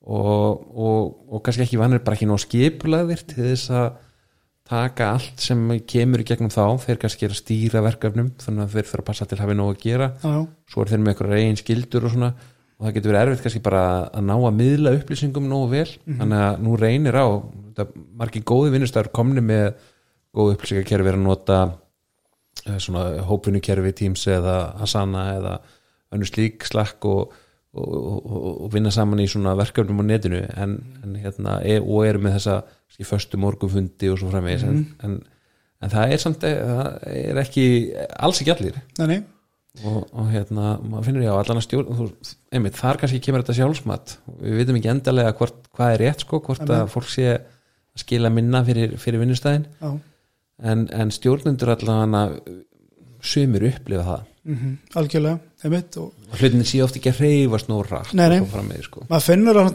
að einhverju leiti líka núna þegar að, einmitt, það er hérna akkurat þessum tíma þá er komið hérna, byrjað að bólusetja á eitthvað svona maður finnur það alveg að fólk hefur meira að gera klálega, þannig að það er greinlega hérna, einhver innspýting og þá einmitt eins og ég velti einmitt upp í, í greininni er sko snýr þetta ekki endilega því að það sem er í framleiðinni heldur snýr þetta kannski að því að, að við gerum minni væntingar til að þessi skilað út af því að við erum heima og það er tröflun okkur slíð sko. Þannig að þetta er, já, þetta er, en þetta er eitthvað sem við munum auðvitað, sjá hvernig þróast á árinu, ég held að þetta sé svona svolítið breaking point þetta ár, hvað hvort þessu? en hvað er frétta annars? Næsta fæsla á lengtið, það er líka þú. Það er líka ég maður, það er hérna, nei, ákvað bara eins og ég segi í þeirri fæslu að það, eins og þú þekkir, við náttúrulega fáum rosa mikið af þessum fyrirspurnum, fólk að spurja okkur út í, eh, hérna, prófíla, já, þess að þú uh, láta það koma fram já, fyrir hlustundur að grafað upp sér allt, fyrir hlustundur um hvað við erum að tala Já. þetta tinni sett inn þryggjaminna vídeo þar sem hann fer yfir eigin LinkedIn eh, síðu. Og rósa sjálfum sér fyrir vel eh, hérna, vel eh, uppfarðan og, og hérna, útfarðan profíl hann er þannig reyndar ekki að öllu leiti sko, þannig að hérna, ég er nú meira bara að nota hann, ég þurfti ekki að fá samþyggi hann ennum að sjálfum mér sko. En í, í þessari fæslu þá er ég að fara bara svolítið yfir þessu svona grunnatrið og það er til auðvitað mælingar sem sína fram á hvar fólk eins og ég og þú sem erum að uh, skoða prófíla og leita fólki uh, hvar það eigið þessum tíma. Hvar við horfum á, á, á, á skjáinu raunni sko og prófílin. á þannig að hérna, bara aðeins að fara við það og út frá því búa til svona, við getum kallað það, þrjá eða fjóra punta sem fólk á að hafa í huga þegar það, fer að annarkvort setja sinn upp eða, eða gera hann betri sko. ég sé nú bara að viðbröðunum að þetta er er eftirspytt eftir þessu efni það er hérna, hellingsfólk að læka þetta hjá þér og, Já, já, og gagla, þú, þú ert ekki hættur, þú ætlar að halda áfram að fjalla svona um hérna, geða fólki ráði í gegnum lintin já, já, ráðgjafa sem heldur áfram að gefa, það er ég. Hérna, Þetta er eitthvað áramóta heit Þetta er, já, þetta, þetta er það sko, að reyna bara í raun að vera sínalri og, og hérna miðla því sem ma maður hefur Já. og getur miðlað sko. En hérna, já, ég ætla, ég er búin að ákveða það, að ég ætla að taka fyrir svona nokkuð málefni sem að við fáum oftan að bort til okkar Já. og næsta sem ég er með á, á listanum er einmitt fyrirskrár og, og kynningabrið, það er eitthvað sem að fólk er rosalega ofta að velta fyrir sér. Það er auðvitað til einhverja leiðbenningar á netinu á íslensku sem ég mitt fer yfir í, í næsta en, en tengt þessu hérna, þessar LinkedIn fæslu um, um, um prófíla að það er auðvitað til hellingur af vídeoum hérna, það sem er verið að fara yfir þessu hluti þannig að ef fólk vil kynna setna meira þá er þetta að fara bara á YouTube og, og finna aðra hluti en það er ekki til á íslensku. Og það var kannski það sem að kveikt svolítið í fólki að- sjá þetta út af því að það er ekki til mikið af, af íslensku efni um, þetta. Nei, nei, og, og, og íslenski markaður hann kannski einhver, hefur einhver sérkinni Mhm. þannig að það getur verið ákveðin ráð þó, hérna, eigi ekki jafnvel við og svo Einmitt. fram með sko um, en um, kannski ef við snúum okkur að öðru heldur en LinkedIn fréttum við höfum stundum tekið hérna að undanfættu svona umræðu bara um ímsa þætti sem tekjast ráningum og, og hérna ég held að það sé kannski bara gaglið til hlustundur þessar hlaðars að, að fá, fá reglulega einhverja svona smá umræðu. Og mér datt í hugum að datt í huga að stinga búið myndum aðeins að ræða uh, hvernig maður undirbýr sig fyrir atvinnuvitöl Já, algjörlega. kannski ekki tæmandi umræðu en, en svona það sem ég vildi sko opna á var að ég er búin að vera að vinna eh, að hjálpa einum aðeila sem er tengdu mér að undirbúa sig fyrir viðtal. Mm og kom mér óvart að maður sé alltaf að predika þetta skipti máli að æfa sig. Hann bara kom mér óvart að fylgjast með sérstaklega þannig að hann þekki einstaklingin og þannig að ég get svolítið svona lagt mat á það veist, hvernig hann he- hefði alla jafna staðið sig í svona aðstæðum undir pressu uh, talubegið ágæti uh, hérna svona látbráð og annað. -hmm. og, og við tókum hann að tvær æfingar og það sem ég gaf endurgjöf. Já, hvað gerðu þið? e, við skrifum upp spur, líklega spurningar. Og uh, viðkomandi skrifaði svörin sínu upp. Já, og uh, síðan uh, hafði þau svona sem á svona svindlblaði. Já, ef, ef að viðkomandi þurfti að líta á þau. Gerði það nú ekki. Og, og hérna og svo skrifaði ég hjá mér komment svona á svörin efnislega og líka látbræðið og orðalagið og svo framvegis. Og það var mikil bæting og, og hérna uh, og bara virkilega sjáanlegur munur. Og það sem ég held að þarna sé að gerast sé að það, við erum svo það, þessi frægu, fræga tölfræðum hversu mikill eh, hluti þess sem við skinnjum sé ekki orð heldur séu látbræð eh, hérna andlits eh, hreyfingar og svo framvegis augnaráð við skinnjum svo vel þegar fólki líður eða líður vel þegar hérna, hvort það er svona kvíli vel í sjálfum sér að, að bara æfingin að vera að fá þetta inn í gerð, við tókum þetta allar leið settum hérna eh, tíman í gang eh, bönnuðum all, að stoppa. Ég setti mér sem myndavel í gang til að Ok. bara auka pressuna. Já, veist, þannig að það var vídeo upptaka og, og, og við bara tókum þetta algjöru svona hlutarkaleik ok. Og það er eins og þá að, að þetta hafi farið inn í sko svona vöðvaðvinni á manneskinni mm. ég er búin að vera undir þessari pressu? Ég er búin að þannig að uh, þriðju útgáfu Já, þá bara kom þetta kjarnað, stutt en kjarnir svona skorin og svör. -hmm. Og ég sagði viðkomandi, þetta er bara eitt besta ef hún er þessi í atvinnuviðtalinu það er bara eitt besta uh, viðtal sem ég hef, hef orðið vitnað og þau eru nokkur sko. Já. Þannig ég er svona, þú veist, ertu sammála mér að þetta sé bara veist, að æfingin mm. þú fyrirfram þá heldur einhvern veginn að þetta mun ekki gera mjög mikið Já, en það er bara, bara að velja þannig sem kemur af því að hafa gert þetta áður hún, hún- hefur svo mikil áhrif hvernig hún kemur fyrir. Já og hvað hún er það mun áhrif Já, já, ég, ég, ég held ekki til staðfest þetta þetta er bara, þetta er raunin.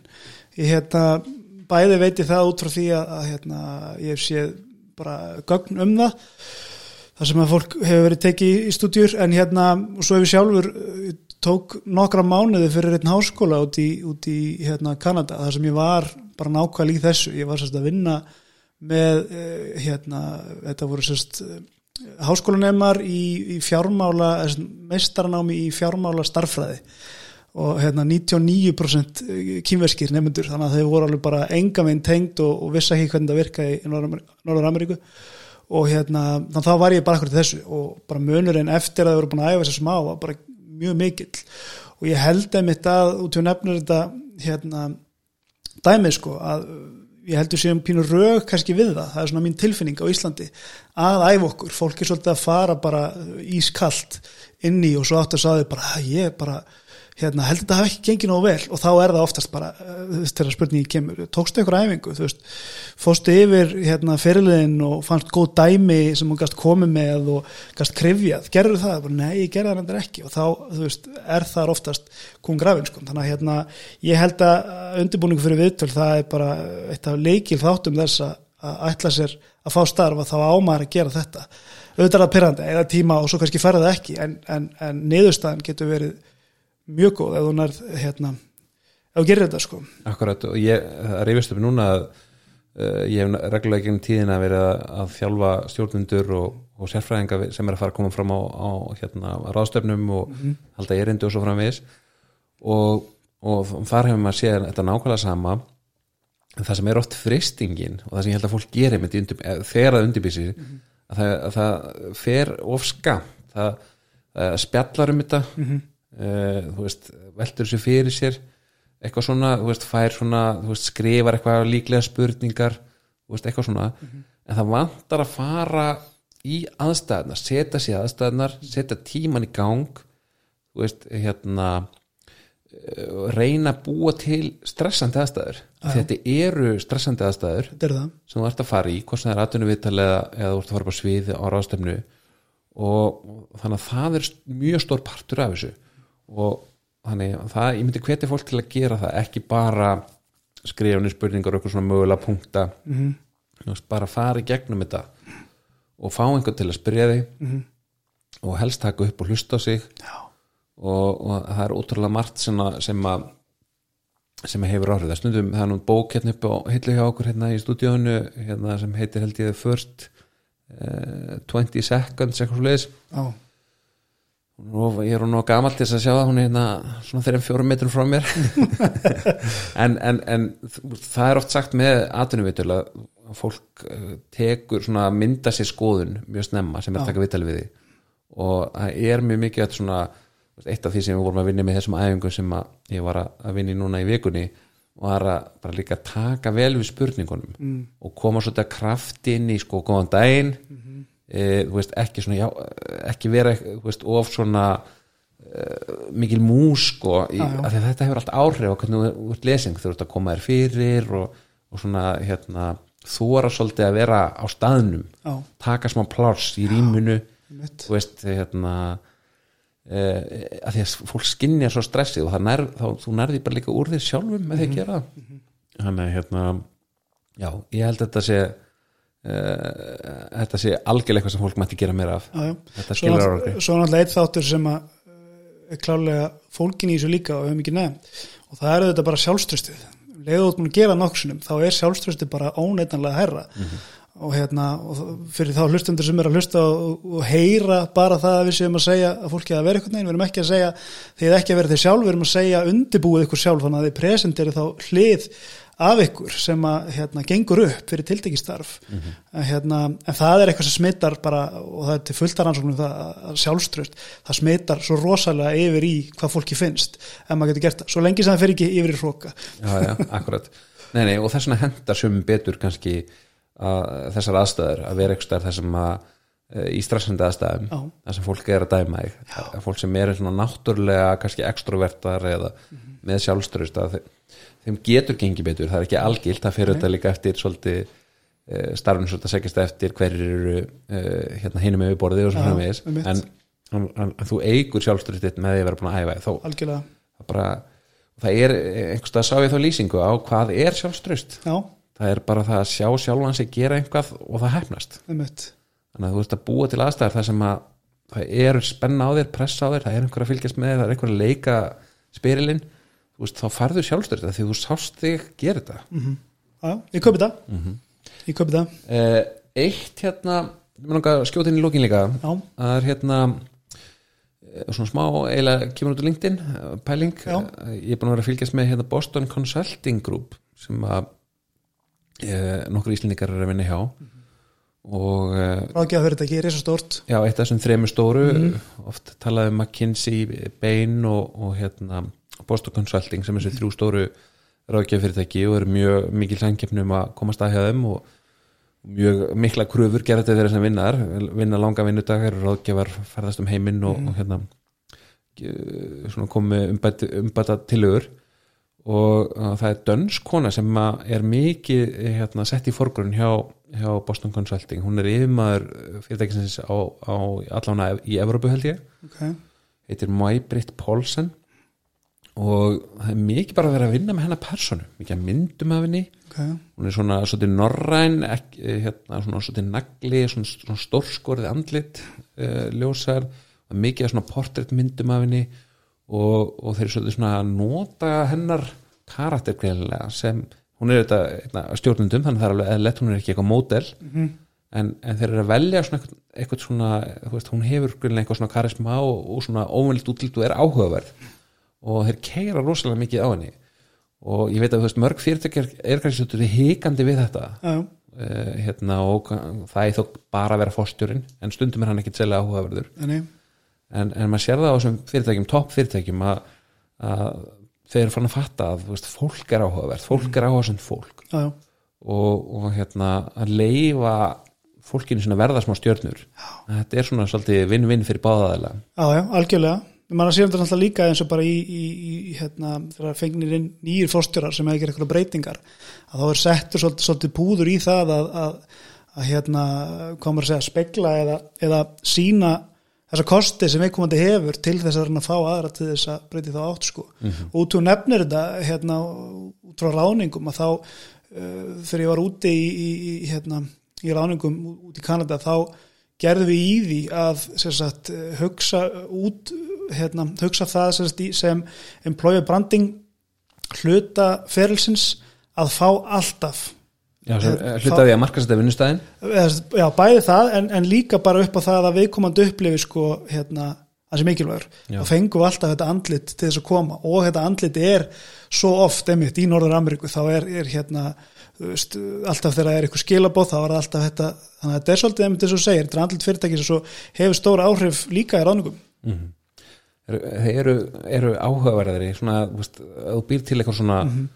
uh, hérna, áhugaverða einstaklingar sem eru í fronti þá verður bara fyrirtæki sjálfkrafa meira áhugavert Mhm. og svo þetta hjálpar þetta fólki líka sem að, að því að stundum mandar einhverjum öðrum fyrirtækjum einhvern sem er, sem það veit að getur komið með aðtekli með sér Mhm.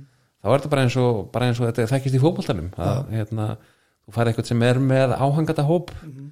uh, sem að kaupir þá líklega skiptur og byrjar að halda Já, með liðinu og svo framvegis. Hérna, Gilvi Sigursson að fá félag hann frá Kólumbíu, James Rodríguez frá Real Madrid til sín og mér skilst að Everton sé núna eitt vinslasta félagið í, í Kólumbíu. Já, já, þannig að veist, þetta held ég að vinni, vinni líka með fólki á atvinnumarkanum að leifa sér svolítið að setja sig að veði taka svolítið flotta stórskotna myndir af okkur. Við þurfum kannski að fara í aðra myndatöku tinni með okkur hérna. Taka svona hérna, speglamyndir það sem er speglað andlitur um mitt, þetta er, þetta pæling. Við setjum þetta það sko sem dagskrá. Fínt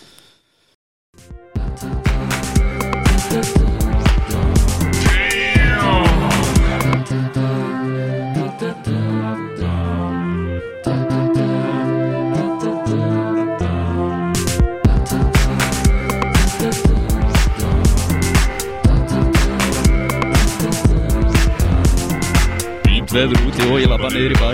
Þeir ofan, allt í læg Þetta súkulaði stíki það kanum tryggjum Hæna sem ég vil ver, hæna sem ég næ.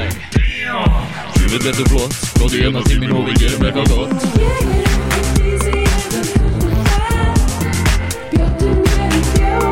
Mókið þú,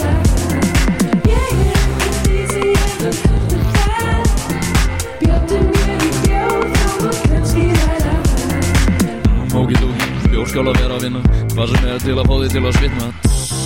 Byrjaður að hýtana Virkar alltaf vel að flexa pínu vöðana Segir við hann, búin að snúast úr. Eins og frættur stegar Læti gang á kaplónum Gemmi parkett þær metru í stefnaður úr fötónum